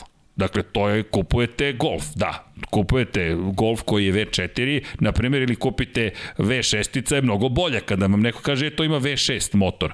To zvuči sportskije, ali šest je bio minimum cilindara koji su mogli da prihvate. Mercedes je međutim bio daleko ispred po razvoju tehnologije. Ferrari je kasnije priznao da je mnogo pocenio hibridnu tehnologiju. I Mercedes je tu odigrao veoma pametno, dobro izlobirao, ali i uradio posao. Ferrari je znao šta ga čeka i sam je rekao mi nismo bili spremni za ovu novu eru. Renault nije bio spreman za novu eru, pocenio je. Šta je Renault pocenio? Utice elektronike, to jest interakciju između elektro i motora sa unutrašnjim sagorevanjem. Jer hibridni sistem nije tako jednostavan i banalan. Vi imate tu nekoliko, kada pojednostavljamo komunikaciju, imate bateriju, imate očigledno gorivo za motor sa unutrašnjim sagorevanjem, imate MGUK, dakle motor generator. Inače, to isto zanimljivo, o tome vredi pričati. Nisu svi elektromotori, elektrogeneratori isti. Neki su zapravo motor odvojeno, generator odvojeno. I imate ove koji su i motor i generator. Dakle, ako pričamo o dinamo sistemu, možemo da, evo, tu su momci, znaju o čemu pričamo. Dakle, imate više verzija motora generatora. Ovo je motor generator i kada govorimo ka kinetička energija, u pitanju isto je kod MGUH, već smo to rekli, na zadnjem točku, na osovini zadnjih točka putem sistema zupčanika se prenosi ta energija ili se troši energija. E sad, šta su pocenili? Turbo rupa se izbegava tako što se motor aktivira na osovini turbine i kompresora, a generiše električnu energiju u određenim situacijama. U kojim situacijama je umetnost programiranja ECO, elektronske kontrolne jedinice? Vozač nema uticaj na to. I to je ono što se meni ne dopada u novoj hibridnoj eri. KERS sistem, dok je postojao samo KERS sistem, je bio pod direktnom komandom vozača. Vozač je birao kada će da koristi elektroenergiju da poboljša ubrzanje i poveća maksimalnu brzinu.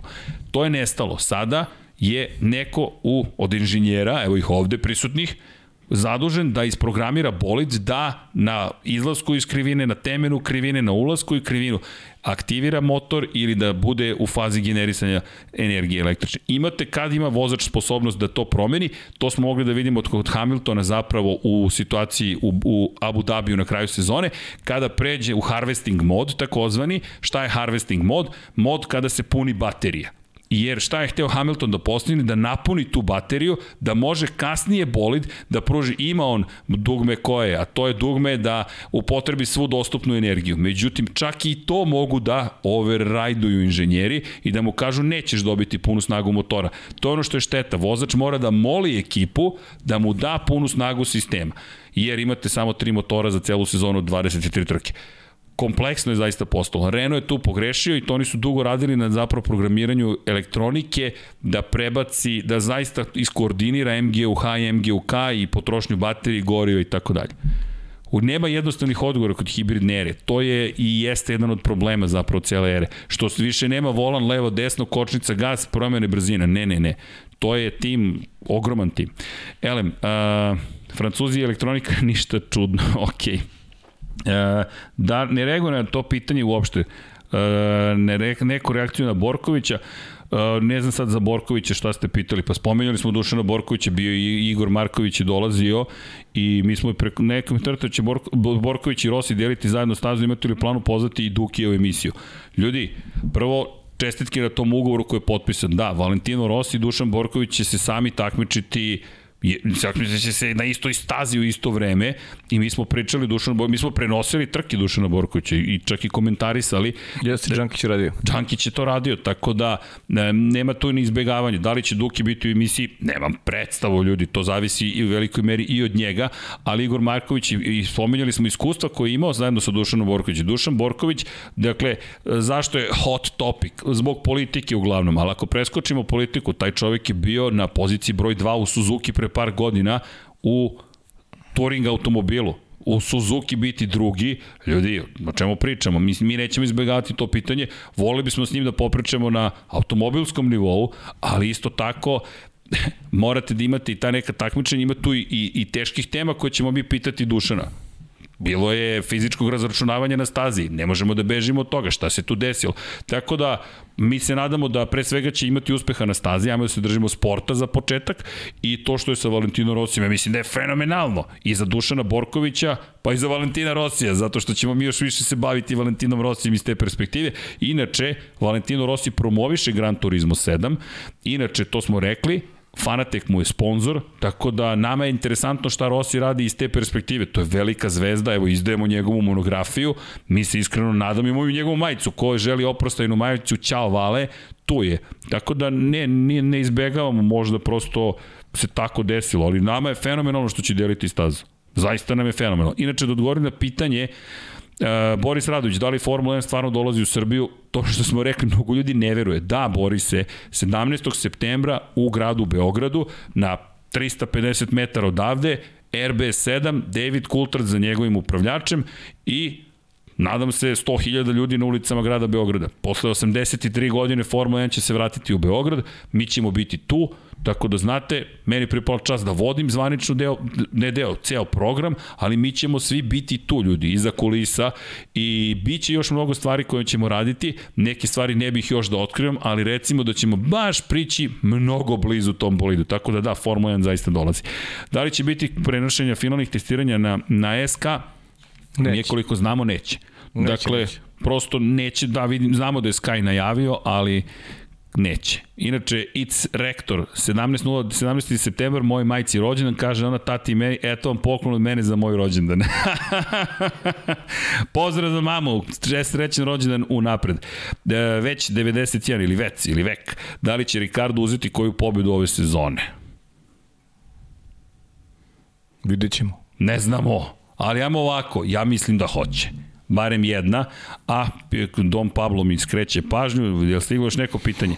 Dok ne prođu ova testiranja, Aha. Prva trka pa će vode da se bavimo analizom i, i predviđenjima šta je pa mogu da. da. se desi. Ali ovako na slepo, ja pa, mislim da će imati pa jednu pobedu. takav vozač da, da uvek očekuješ od njega nešto, ali, ali zavisi od McLaren. Evo da spomenemo i onaj fan kom, kom smo pričali, ako može, evo ljudi, ko ne zna, bukvalno fan, Dakle, nismo se šalili kad smo vam rekli fen, to je taj čuveni Brabham i inače imao je poklopac ovaj fen.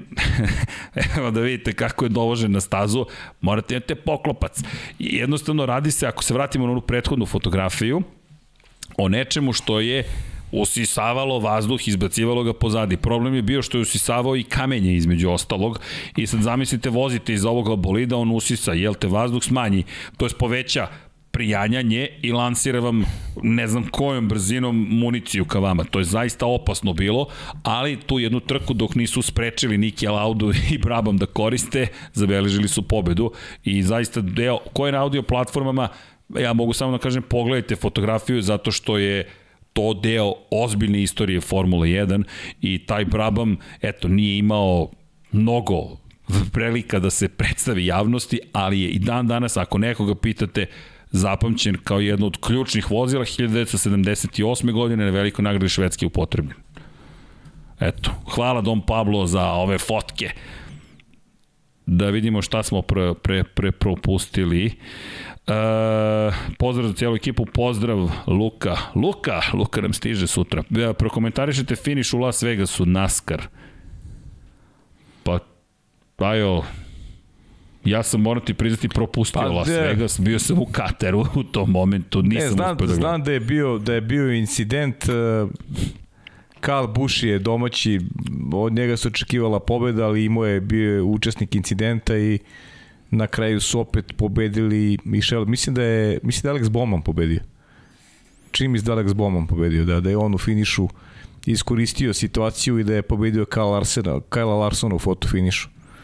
Ne, Bane da, ne zameri, ali... Čini, čini mi se. Pa ja, ja sam nešto ispratio, ali evo, baj proveri, molim te, da, da, da ne bude dezinformacija. Moram priznati da mi to tek na spisku stvari koje ću da gledam Mislim da je Posle mislim GTA da je pobedio Alex Bowman, ali eto da da je Karl Busch imao maltene pobedu u džepu, međutim da je Znaš kako ti ide na, na tim stazama milju i po dve Naravno. dugim dominiraš i onda se dogodi par košana u samom finišu trke i to se i to se sve trka se okrene i zato Cindric jeste Larson Bowman Eto. Za sada. Da, Cindy Clarkson Bowman. Bowman je pobedio Larson je opet bio konkurencija za pobedu, izgubio je u posljednjem krugu od, od Aleksa Bomana koji je onako baš bio agresivan, a mislim da su napravili i grešku, ako se ja ne varam, mehaničar i Kajla Buša promenio je četiri gume u finišu pred posljednji košan, a ovi ostali vodeći su menjali dve gume, tako da je i tu izgubio malo vremena u pozicioniranju.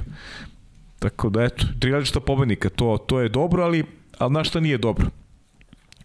U sve onu priču koju ima Boži Tatarević vezano za Ford i uh, moment u kome su želi aerodinamiku pre svega da poprave, mislim da je opet novim stazama, ovim klasičnim uh, stazama, milju i po dve, opet je dominira ekipa Hendrik Motorsport.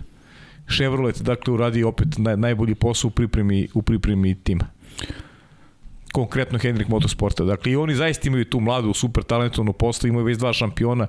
Ne bih im čuo da se Alex Bowman ove godine umeša u borbu za titul. Eto, čuli ste komentar, to ja moram priznati da nisam još video trku, tako da, da ne pričam na pamet. Da odgovorim na pitanje kada zapravo počinju testiranja. Četvrtak, 10. mart, GMT, dakle dodajte jedan sat na to, i reći ću vam za centralnu evropsku vremensku zonu u kojoj se mi nalazimo od 8 do 12 časova popodnevni treninzi su od 13 do 17 i ta ista vremena u petak, to jest u subotu. Dakle, od 8 do 12 i od 13 do 17 časova po, da kažemo, našem vremenu. Imamo tri dana takmičenja, šest trening, šest zapravo ajde da kažemo, perioda kada možete da izađete na stazu. U prevodu biće na zanimljivi podcast utorak, jer ćemo do tada znati sve. Jeste. Inače, Hasan Bratić, naš prijatelj, kolega i čovek koji nam bezrezervno pomaže i je tamo već, tako da se Hasan uveliko sprema. Što se tiče, evo Hasan, Has, čisto da spomenem Has, neće verovatno biti tokom prvog treninga prisutni po kasnim prosto delovi i najavili su da će se uključiti u takmičenje u popodnevnom treningu, dakle u četvrtak, tako da Haas će verovatno imati pet treninga, a ne šest treninga, da odgovorimo na pitanje apropo vremena. Dimitrije Švajner, pitanje za Srke, da li planiraš da presadiš kosu poput Luisa i Seba? Ne. Ljudi, i tiz bati tiz, jedino ako dobijem ulogu da glumim Tora u Avengersima pa mi kažu moraš da imaš kosu pa da nešto presađujemo, a i dovoljno napredovala, da, jel te kompjuterska grafika perik. ili perikica neka i to je to. Ljudi, to je, možemo se lažemo, ali mama Gena je učinila svoje, moj deda sa mamine strane je bio aerodinamičan dosta i šta da radite, tak, to, tu, tu smo gde smo i to je sve što mi ostaje.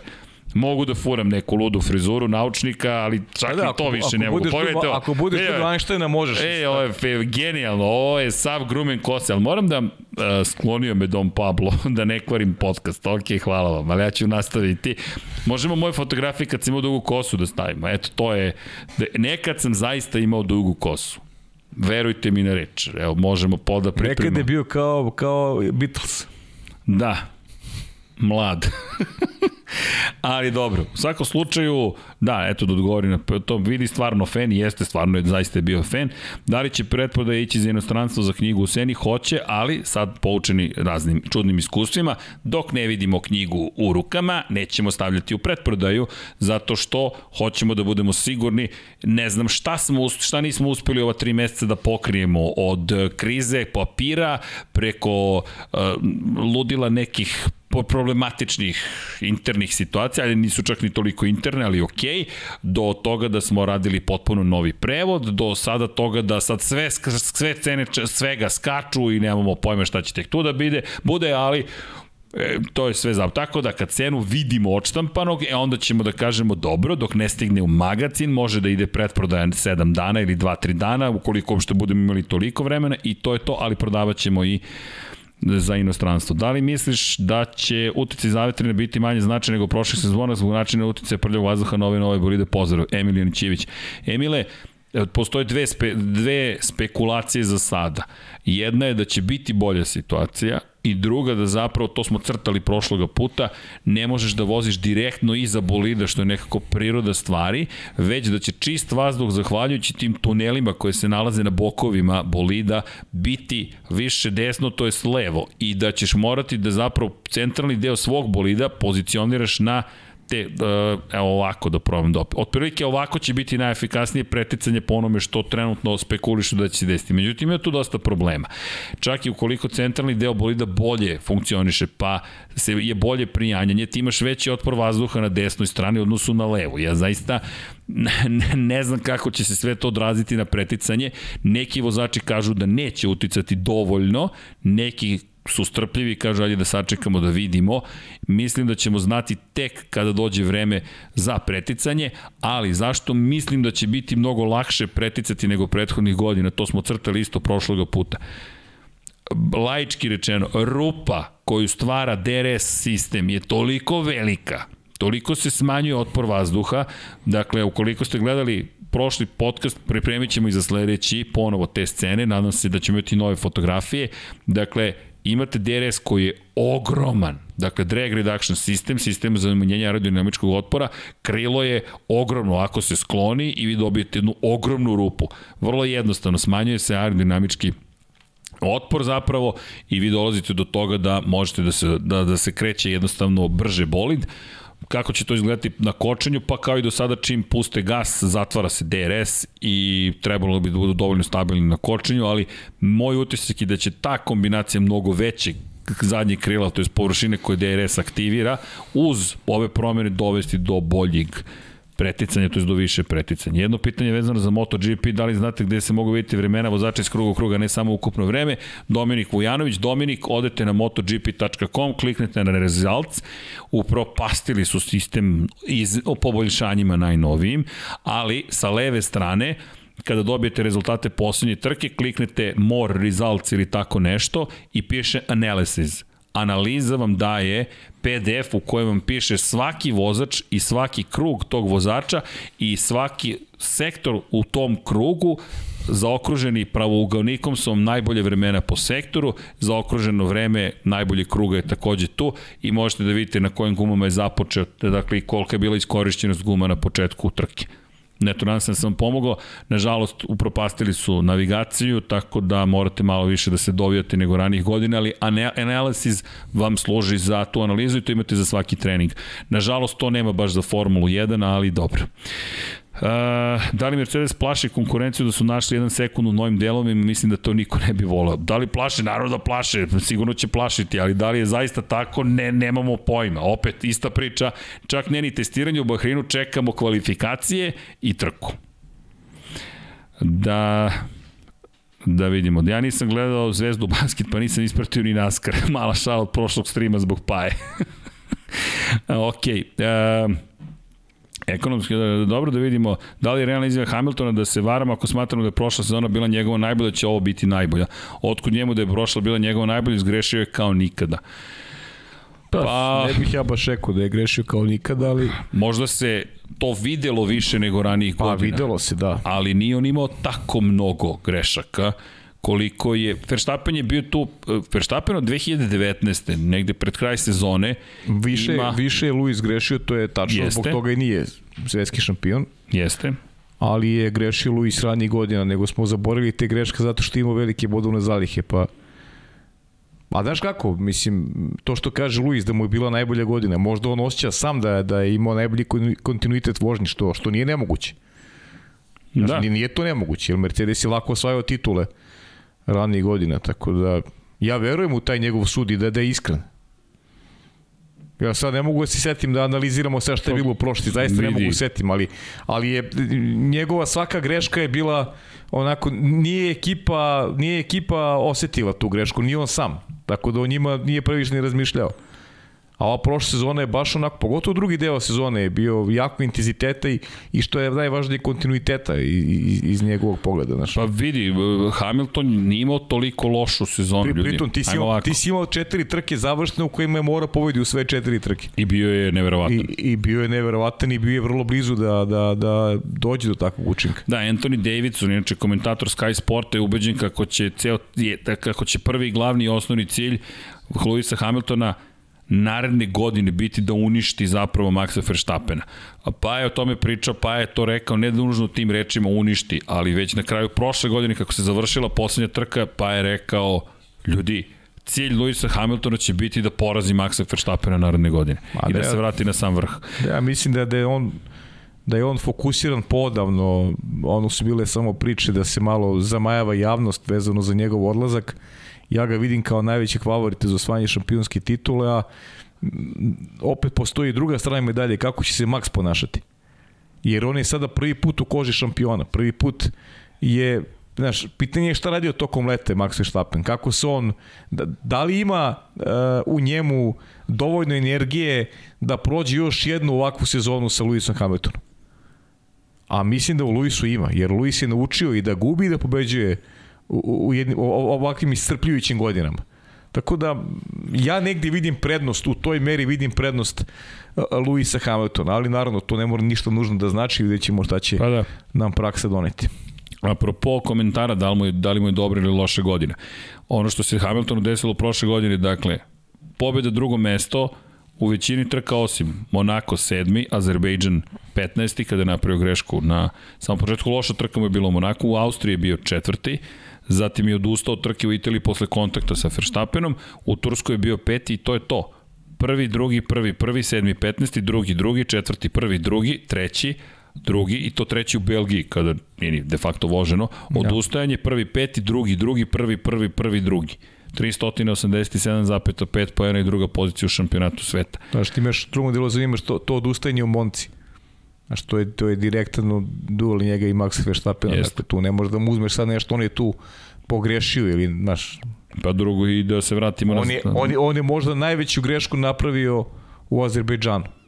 Gde je mogo da profitira od, od, da onog, da od onog udesa Maxa da Verstappena. Da Šta je da je bio drugi, sve okej. Okay ti si drugi, ali, ali to su, to su... Ali to su šampioni. šampioni Ta, ona da, rečenica, da, ti... momci trčimo maraton, ne sprint. Da, da. I jesmo se ti ja pogledali značajno istog sekunda, kao, ok, pa, ovo je napad to, jedan to je, na jedan. To je ono što ne može da se vidi. Ovaj... ali to je fenomenalno, mi ti znaš da je taj U kabini naša reakcija. Da. da, naša reakcija. E, to je bilo zahteva, ali ne znam za taj GoPro, to ćemo da se, što kažu, dogovorimo. Inače, ima, ovde neko postoje pitanje a, za, za tribine za Beograd. Neće biti uh, ulaznice, to, to, to je otvoren događaj. Da. Dakle, nema klasičnih ulaznica, mi se malo šalimo tribina. Ne, možda ćemo, možemo se dogovorimo mi zajedno, ajde da se nađemo na tom i tom mestu, pa kogod je ljubitelj Lab 76, tu ćemo da se okupimo, na primjer. Ali u suštini to je otvoren događaj, to je gradski događaj.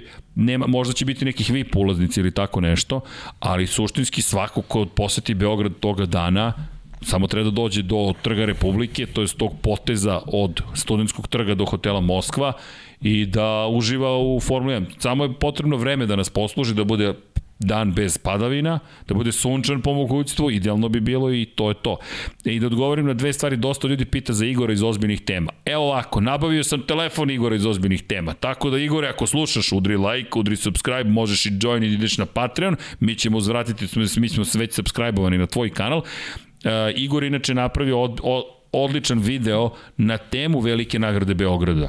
I pogledajte taj video, Igor inače je super, meni bar simpatično, ne simpatično, mnogo smatram da je ozbiljno to što radi i da li bismo volili da bude u studiju? Naravno. Zašto? Čuli smo da je obožavalac Formula 1, pa eto, da se ispričamo s čovekom, ništa drugo, ništa više od toga i neće biti testiranje, odgovorim još jednom na sport klubu, prosto od toga neće biti. Vukašin Felbom, imam ideju zašto ne uraditi tipovanje na par pitanja. Šampion, šampionska ekipa, bit će li tim bez bodova na kraju, Albon Latifi, koliko će pobednika trka biti. Pa možemo da napravimo, ajmo, ajmo ali to ćemo sledećeg utorka da uradimo, tako je. E, po, pobeže mi mnogo ovde stvari. Biće vajde djeki tu, pa eto, možemo onda... To Marina, slušajte Marinu, Lab 76 majica znak raspoznavanja. To Marina. Da, e, dakle, da vidimo posle koliko trka smeju imaju da menjaju delove na bolidu od početka sezone. Mogu da menjaju delove određene na svakoj ja. trci. Ba, ono što ne smete jesu menjač, motor sa unutrašnje, imate šest delova zapravo, turbo, čak i izduvni sistem je sad podložen od prošle, od pretprošle zapravo godine, dakle, elektronska kontrolna jedinica, MGUH, MGUK, motor sa unutrašnjim sagorevanjem, zatim šta sam još spomenuo, turbina, turbo zapravo pogon i imate izduvni sistem. I to vam se broji, kada menjate u sklopu broja i menjač, naravno, dozvoljenih elemenata, kod menjača je situacija da vi morate zapravo da izdržite šest trka za redom, ako ga menjate imate kaznu pomeranja unazad, osim ukoliko ne završite trku, često ćete vidjeti vozače kako odustaju u sred trke jer su na začelju, da bi se doveli u situaciju da su odustali u prethodnoj trci, pa mala rupa u pravilniku, onda možete da menjate određene delove. I to je to. Ako pređete broj dozvoljenih dijelova, prvi put kada to uradite, pomeraju vas 10 pozicija unazad, svaki sledeći put vas pomeraju 5 pozicija unazad. Naravno, sve zavisi od toga i to smo videli na kraju prošle godine koji deo menjate. U kom trenutku Hamilton je tako izbegavao kaznu od 10 ili 15 pozicija pomeranja nazad, nego je išao po 5 jer je to bilo lakše nadoknaditi u trci. E, dakle, da, ima ih ne zamerite što ne stižem baš na sve da odgovorim, ali Inače, Bojan Gitarić, welcome to svetioničar i početnik. Hvala Bojane za podršku. Veliki pozdrav, tek sam se uključio, hoće li biti F1 Fantasy? Jao, za malo da zaboravim. Fantasy je pokrenut prošlog puta. Čekajte, Fantasy, odmah vam šaljemo link i dajemo vam kod. Samo sekund, molim vas, za malo da zaboravim. Dobro. Dajte sekund, samo molim vas da se ulogujemo, ali Evo, jedan trenutak, molim vas. Pa inače morao sam da menjam šifru pošto sam zaboravio šifru, pa tako da znaš moram da nam pošaljem novu šifru. Aha, dobro. Pošto nam je tu live timing, to pa je ja sve. Završavamo, pa da znaš ako budeš pokušao da se uloguješ.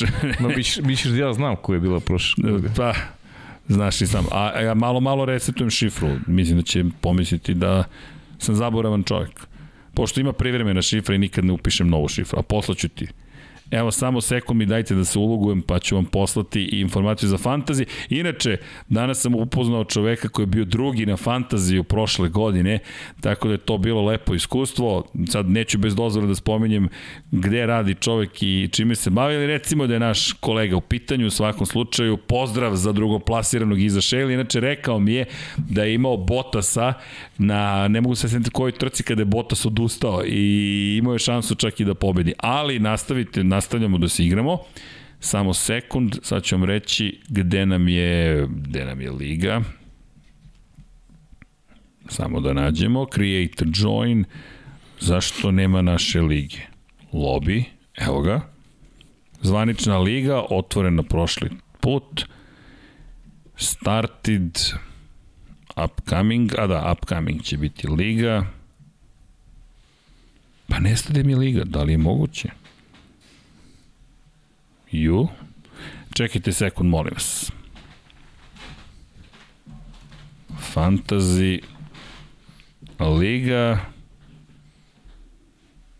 gde nam je liga za Formula 1 nestade ok, sad ćemo, dajte mi sekund da je pronađem, ali imamo Fantasy ligu i za i za F1 kako sam ovo uspeo da izvedem ne znam, ali sam uspeo Ju, pa gde su mi joined? E, ne zamerite, dajte mi sekund da ja to pronaćem. Elem, takmičimo se mi i ove godine. Nemam predstavu ljudi šta sam uradio. Ali dobro. Evo je lep je, F je, ah, to, našao sam je. Evo je zvanična liga, dakle, samo sekund, molim vas. Sad ćemo mi to da šerujemo, da ne kažem invajtujemo vas. Samo sekund, evo ga stiže i link, daćemo vam i naravno i kod i liga se zove, ovo je inače link sa Twittera. Odlično. Evo, ko želi da učestvuje u fantaziju, mislim da nam kolege odlaze upravo. Dragi ljudi, bus, noćni, kak pa kako. Svako dobro, momci, pa, vidimo se. pa, pa gde je bu... Gde, ljudi, zadovoljstvo, hvala vam. Jedino student ima vozilo, čekaj, šta je ovo? to kad ste student još onda imate. A nije, on je, on je, on je trotinetom, ali ima ove zimske gume. Ne, on napravi sam sebi treba. Pa to, pa da, lako to je i to. njemu. Evo, dakle da znate, podelili smo, a evo vam i kod za ligu, ko hoće da traži ligu preko putem koda, odmah ćemo da podelimo sa vama, tako da smo pinovali. Inače, evo Tomislav Pinter, Okon promoter za GT7 u Francuskoj. Pa to vam je to, Okon, Rossi i Živković. Molim vas, zna se ko treba da promoviše GT7. ne znam o čemu uopšte Da diskutujemo. li, da li je to bilo dileme uopšte? Ba, da. A, Vanja, a, Muki, Muki Alex, spomenjali smo, Vanja uveo subscriber mod, pa tako je. E, da. Dobro, evo stavili smo sve, tako da znate. Ljudi, udrite like, inače, to nisam spomenuo već neko vreme, ali udrite like malo Pa, to, opet algoritam da poguramo i da idemo još više na gore. Imate link za ko... Ljudi, pozivam vas da se pridružite, verujte, trenutno je akcija u toku, bukvalno, kada je reč o, evo vidite šta, sve, šta se sve događa, dakle i GT7 je stigla kao što smo negde se nadali da će se desiti, zvanično promovišemo GT7, promovišemo zvanično Red Bull Show Run, dakle sarađujemo iz te perspektive sa organizatorima promocije Show Runa, s druge strane stiže knjiga, stiže knjiga, stiže knjiga, dakle i to stižemo najzad. I imamo još par stvari koje su u pripremi, pogotovo što se tiče fantazija prošlogodišnjeg, imamo neke stvari. I ono što smo obećali, anketa u kojoj smo proglasili pobednika, pripremamo trofej koji se šalje u Milton Keynes Maxu Verstappenu i u Italiju se šalje u sedište Yamahe za Fabio Quartarara, njih dvojice su proglašeni za vozače godine po vašem mišljenju, tako da znate, ići će još jedan dodatni trofej, to će biti Veljka Petrovića, Maxu Verstappenu, pošto ste vidite, mi hoćemo da držimo uspomenu na Veljka Petrovića. Ono što nismo organizovali, to ćemo da ispravimo, jeste to nadam se da ćemo dobiti neko odobrenje, a to je za Sukija, za najbolju fotografiju, to ćemo vas pozvati ko bude išao na trke Formula 1, da napravimo malo takmičenje oko najbolje fotografije. Ovako na keca možemo Andreju Isakoviću odmah da dodelimo prvo ovako nezvanično, jer ono je globalna fotografija koja je, mislim, najbolja na svetu bila bo- prošle godine. Znaš kako, možemo da, da uradimo sledeće, da to bude najbolja amaterska fotografija. Da, može amaterska Da fotografija. bude najbolja amaterska fotografija, da, znaš, Tako je. se ne takmiče, nego prosto ljudi koji odu na trke i ko napravi najbolju fotografiju da, da bude u To. konkurenciji. A da, da Hasan Bratić i Andrij Isaković izaberu ko Može. je najbolja To je fotografija. stručni žiri. Tako je. I ja, ako Hasane, mi smo te već ovaj pozvali za Pa, stručni žiri. da, pa logično. ako si tu, pa i Pa za najbolje da, to najbolje da ti ja biramo fotografije pored, pored njih dvojica. Pa, da, samo naučare nemoj zaboravimo. Da, pa to, mislim. to bi nam poslužilo. Ali da, ne, nećemo mi to da biramo. Ne, to nije naša ekspertiza, tako da ćemo to ostaviti Hasanu i Ali Andreju. mislim da je okej ideja. Ali ti znaš, divna ideja da njih dvojice to bude. Pa to čak nešto može da se, šta može da uradimo, da to počne da počne sad od, od starta sezone, prosto ako se neko nađe na prvoj trci u Bahreinu i da onda traje do kraja godine pa da na kraju izaberemo koja je, koja je najbolja fotografija i da, i da nagradimo u stvari da Hasan i, i, i Andri izaberu koja je najbolja fotografija a da mi čuvamo te fotografije do kraja sezone i da oni izaberu najbolje. Šta misliš? To Pa mislim da to dobro zvuči. Evo da počne odmah sad od Bahreina. A ukoliko ne, neko bude bio u naravno, ukoliko ne bude nikog, šta da radimo, bože moj, znači ne, ne, ne, mora, ne mora bude sa svih trka. Ali šta je ko može, zašto da ne? Ako može, super, ako će To bi neko biti super. u Bahreinu, Ljudi, eto. pa da, napravit ćemo i hashtag i Tako samo da se je. čujemo sa Andrejem i sa Hasanom i to je to. Inače i sajt nam je zvanični sajt, ne samo prodavnica u izradi to, do, ni Dom Pablo ne zna čak. Ali to smo počeli da rešamo. Inače, evo jedno pitanje, Marijanko, kako da iz Hrvatske gledam vaš prenos formule, ne znam, iskreno nisam siguran da možete eventualno ukoliko ti ima, imate opciju da izaberete u podešavanjima jezika, ali to nisam siguran da li to može. To, neko nam je pričao to za Moto Grand Prix da je eventualno moguće, ali ne zamerite, ne znam, pokušat ćemo da saznamo, ali nismo ali sigurni. podrška našim kolegama Tako iz Hrvatske koji jako dobro rade i eto, im- imali smo i onaj, onaj lep studio i dobre kolege, dobri, dobri Da, i momci. njih se nadam da ćemo I uključiti nadam se ćemo ih da ćemo ih pa podcast, ne samo je. to nego da će imati priliku da sednu ovde s nama da Da nam da budu i naši gosti to, to bi bilo idealno Tako da je. da napravimo jednom zajednički podcast. Tako je. Inače, evo komentar za glasine što se vrte oko Mercedesa da će sutra W30 biti bez side podova. Bane odgovara, vidjet ćeš sutra. Bane jeste, vidjet ćemo sutra. Što se tiče spekulacija, nemam pojma kako to može da izgleda, ali nije nemoguće. Ako vidimo da je Williams odlučio da ima rupe u, u sporednim delovima, da sačekamo. Malo mi je to čudno, jer ne znam kako će da rashlade unutrašnjost tog bolida, a unutra je vrelo. Je ne samo elektronika, već kada odete izduvne gasove, to jest izduvni sistem, ceo ta toplota će se prenositi napred, bit će vrlo zahtevno. Evo, resničanin za Hrvatsku, VPN i EON. Eto, odgovora VPN i EON. Da. Dakle, eto, ali u svakom slučaju da, podrška našim kolegama i nadamo se da ćemo se družiti. Jedno pitanje vezano za F2 i F3, da li postoji izmena njihovim bolidima za ovu sezonu, šta mislite šta može Denis Hauger da uradi ove Da, godine? u postoji Formula 2? izmena, postoji Da. Izmena i pričat ćemo o tome opet. Baš je ozbiljna I izmena. gume su pro, takođe izmena i tu Nova šasija no, dolazi. nova šasija, da 18 inča gume, tako da ono ima ima ima tu promena. Da, da, Formula 2 će drugačije, i Formula 3 će izgledati mm. drugačije, ali kada govorimo o, o konkretno, dakle, šta se sve dešava, to ćemo da iskoristimo da najmo i Denis Hauger da odgovorimo, može mnogo toga. Denis Hauger Može, je veoma da. talentovan, ako gledate Oskara Pjastre koji je došao iz Formule 3 u Formulu 2 osvojio titulu, Denis Hauger verujem da želi tim stopama, bez obzira što osvajanje titula u Formuli 2 vas izbacuje iz Formule 2, ali mislim, izvinjam se da će to zaista da, da, da bude jedan od vozača kojima moramo da vodimo računa. Da li može titulu?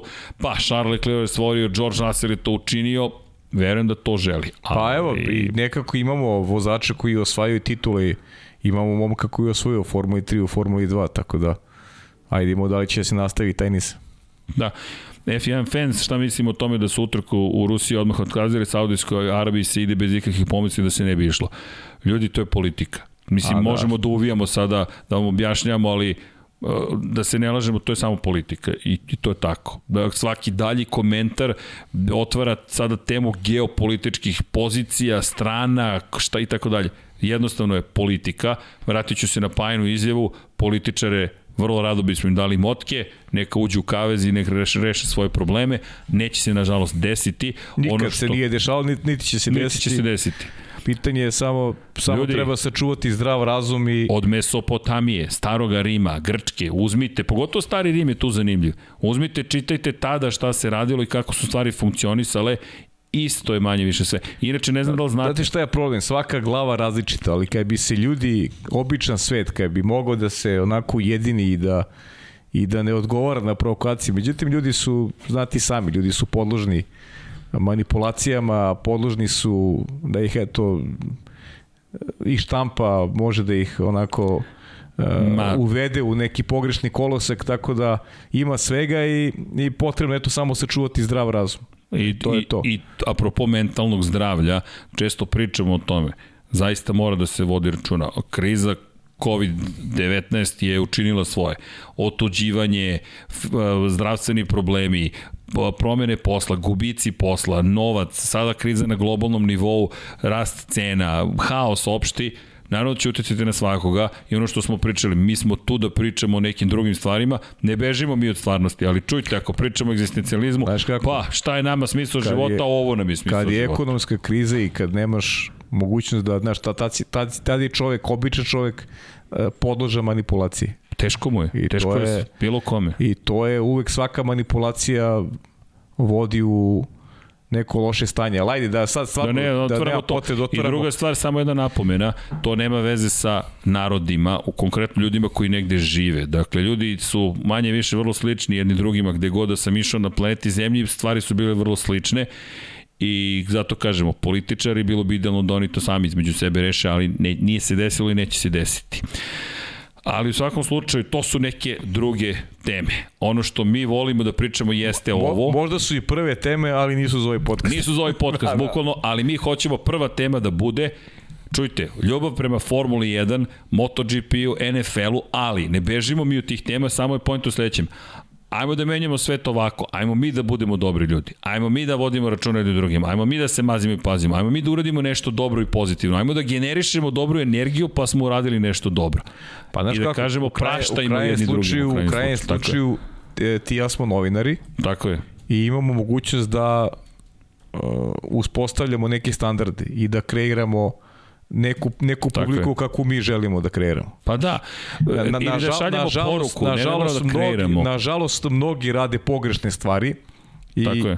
kada su pitaju naše kolege, nažalost, i ušli smo u jedno opšte ludilo da je, da je vest eh, da je uvek neka negacija loša vest, e, je, je glavna vest, e mi želimo da su neke Lepe lepe, stvari, glavna je. vest i da, i da se da svi lepo uživamo, da se opuštamo i da, i da ovaj da potisnemo uh, one koji pokušavaju da nam pokvare tu neku dnevnu sliku. Jest. Eto, to je to. I apropo toga smo prešli u političare, nismo. I da odgovorim samo na pitanje ko bira političare, da, mi ih biramo, ali postoji tu jedna bitna stvar.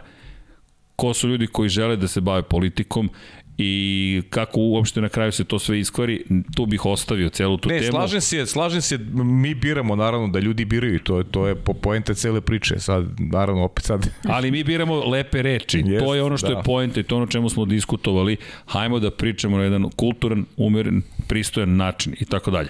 Elem, da ne odemo opet dalje, ta, ajmo da se vratimo u Formulu 1, ne možemo da pobegnemo od politike jer utiče na sve aspekte života, pa i na Formulu 1. Inače, Dom Pablo je rešio da kadar bude mudrac Pavle u ovom trenutku, ali to je sve u Da. redu. I, I to je to, previše stvari radimo ovde, ne, ne, inače ne radimo, danas nema nam vanje, tako da se to osjeća. Elem, a, na koje trke Srki idete ove godine još nema predstav za MotoGP, Field of Life valje, šalje srca. Jedan predlog, pošto na Twitteru nema više Baba Vange, da krenemo sa vama u takmičenju, svi mi uplatimo nešto novci, pobednik dobije majicu Lep 76 ili da što bude novca, pomognemo i vama i svima lepo. Luda ženo, pošto je to vaš naziv, ajmo da uradimo sledeću situaciju. Ajmo da skupimo pare i da ga damo nekoj deci ili za neku dobru stvar, nešto pozitivno. Hvala vam što hoćete da nam pomognete, ali ajmo da i mi prosledimo dalje svi zajedno tu pozitivnu energiju i jel te pa u ovom slučaju novac. Inače, Stefan Bogi, nevezano za situaciju, da li bi Gora Drive bila dobra trka? Ja sam ubeđen da bi. Svi koji su bili na Gora Drive-u, koji je relativno blizu 60 km od San Petersburga, su rekli da je to sjajna staza.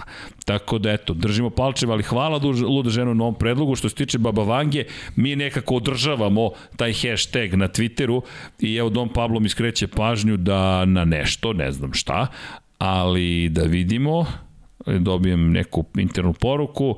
E, Da, pozdrav za Bruna. Ima ljudi koji su rekli da će nas podržati, da će uraditi šolje. Nisam odgovorio Brunu, znam Bruno, bio sam u Kataru, ne stižem da odgovorim na sve poruke, ali evo, stigli smo. I mnogo ljudi se javilo u želji da podrži tu ideju. Ko ne zna, hashtag je bio Baba Vanga.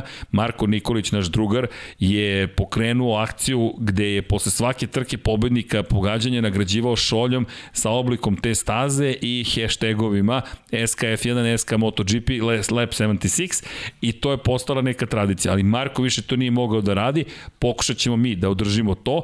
Biće Deda Paja, hashtag, šalim se naravno, ali napravit ćemo neki lep hashtag, može i Baba Vanga da se nastavi. Da, visi. Prosto da vas da vas nekako, ajde, neću da kažem da nagrađujemo, nego da se prosto igramo. Uh, itd. Da, zatim, evo, Srki, ko će biti Yamaha Formula 1? Ko će biti Yamaha Formula 1? Ovo ne znam, Yamaha inače katastrofalno bila. Da, da, to, to, to, to sam ovaj, negde čak i pročito, čini mi se. Da, Marko Babić, hoćemo praviti Discord, nekoga je napravio samo da pronađem gde je taj Discord pa da se aktiviram. Moja draga Sofija, Valentina, Busto, Surutija, Erceg ili ti e, bratanica moja mi je rekla, striče da ti ja pokažem Discord, pa mi je instalirala Discord, uvela me u, jel te, tajni Discorda, tako da ćemo se i u to uključiti. Evo, hashtag je Čika Paja. Ok, mi. Može, Čika Paja. Evo, Force India će biti Yamaha ove sezone. Šta je Force India? To Ne- je moje pitanje. nemam ništa protiv. Nemaš ništa protiv. Pa ne, Može, ne. Čika Paja pogađanje, ali e, d- kada je reč o, o konkretno ovome Force India, je li Alpina Force India ili Aston Martin Force India? Da. Eto, moje kontra pitanje za vas.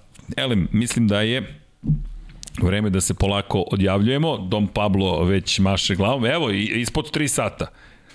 Da. Kao da se spremamo za Davida Kulta. Pa da, 2.59. Kao da se, ali nemojte odmah da odete, čitat ćemo imena ljudi sa Patreona, sa YouTube-a, a onda ćemo vam poželiti čao svima laku noć.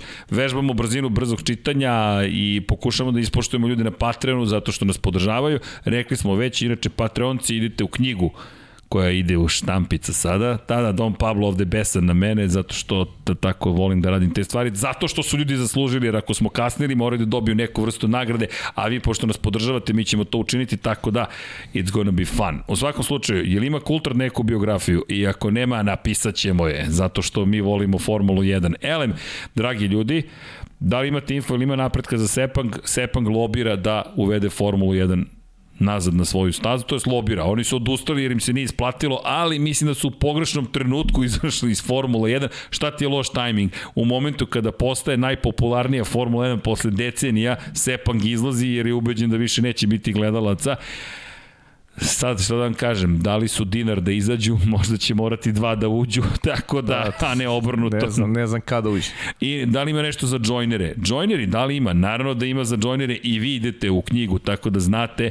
A kada je reč o joinerima, to jest oni koji su svetioničari, početnici na YouTube-u i koje ćemo prvo pročitati ove večeri, Ja vam želim, naravno, laku noć, znam da će mnogo vas da pobegne, ali da ispoštujemo od ljude koji su nas i na ovaj način podržali, pa da kažemo Bakadu, Bojan Gitarić, Ivan Magdalenić, Ivan Vujasinović, Resničanin, Mladen Mladenović, Emir Dugić, Tatjana Lemajić, Serbija, Hair Fair, Veselin Vukićević, Stojan Sabo, Mladen Dukić, Marko Bogovac, Branislav Dević, Vukašin Vučenović, Almedin Ahmetović, Nemanja Labović, Aleksandar Kockar, Miloš Z, LFC, Nikola Smit, Nemanja Miloradović, Zvonimir Papić, Ivan Božanić, Marina, Vlada Ivanović, Oliver Nikolić, Andrija Todorović, Jelena Jeremić, Kalabi, Jao, Aleksandar Nikolić, Petar Bijelić, Milorad Relić, Reljić, oprostite, Nemanja Bojan Markov, Danilo Petrović, Nenad Simić i jedna anonimna osoba, plus uz uh, prikladnu muziku, Dom Pablo, Udrite, Luka Savović, Andrej Božo, Boris Gvozden, Boris Golubar, Zorana Vidić, Luka Maritašević, Ljubo Đurović, Borko Božunović, Đorđe Andrić, 13 tajnih pokrovitelja, Aleksandar Gošić, Mirina Živković, Nemanja Miloradović, Miloš Vuletić,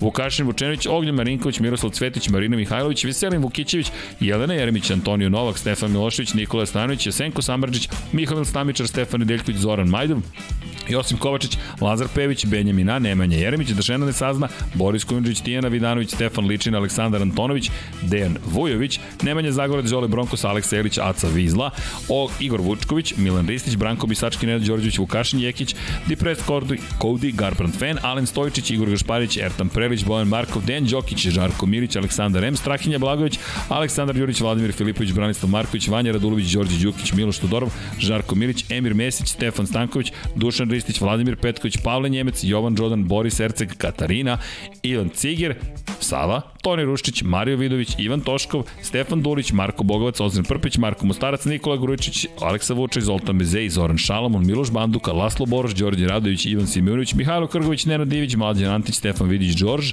Žorž je Žorž, Predrag Simić, Miroslav Vučinić, Filip Banovački, Omer Kovačić, Monika Erceg, Nikola Božinović, Jelena Mak, Mladen Krstić, Marko Ćurčić, Milan Nešković, Ivan Maksimović, Bojan Mijatović, Petar Elić, Stefan Privić, Nenad Simić i Andrej Bicok, Mladen Mladenović, Dimitrij Mišović, Bahtjer Abdurmanov, Andreja Branković, Nebojša Živanović, Jugoslav Krasnić, Nenad Pantarić, Vlada Ivanović, Aleksandar Banovac i Stefan Janković. I Paju, ja i dalje ne mogu da verujem da ti ne možeš da pročitaš ovo imena odavde, ali to je zato što si mnogo mlad.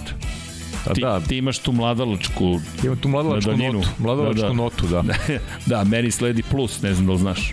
Pa ne, ništa poneću ako želiš sledeći put. Pa, ovaj, bilo bi lepo. Da očere, pa ću ja da čitam. Znaš, ja sad ovako čitam otprilike, tako da novo vidim, ali ovo... Ne, mutna su mi slova, zaista. Ne, znaš, ja na daljinu moram da nosim ovaj ćore popularne. Nema veze, lepo ti stoje. Da, hvala ti. I u to ime, dame i gospodo, ja se nadam da ste uživali u izdanju broj 181 Lab 76. Imate pozdrav od Borisa Trutina koji je rekao doći će 200 ti podcast, a mi u kafanu otići nećemo. Borise, tu nepravdu ćemo Ne, ispraviti Borise, u kafanu. moj, u pravu si, moj otići Boris. ćemo Borise u kafanu zato što smo to obećali za specijalno izdanje Lab 76 broj 100.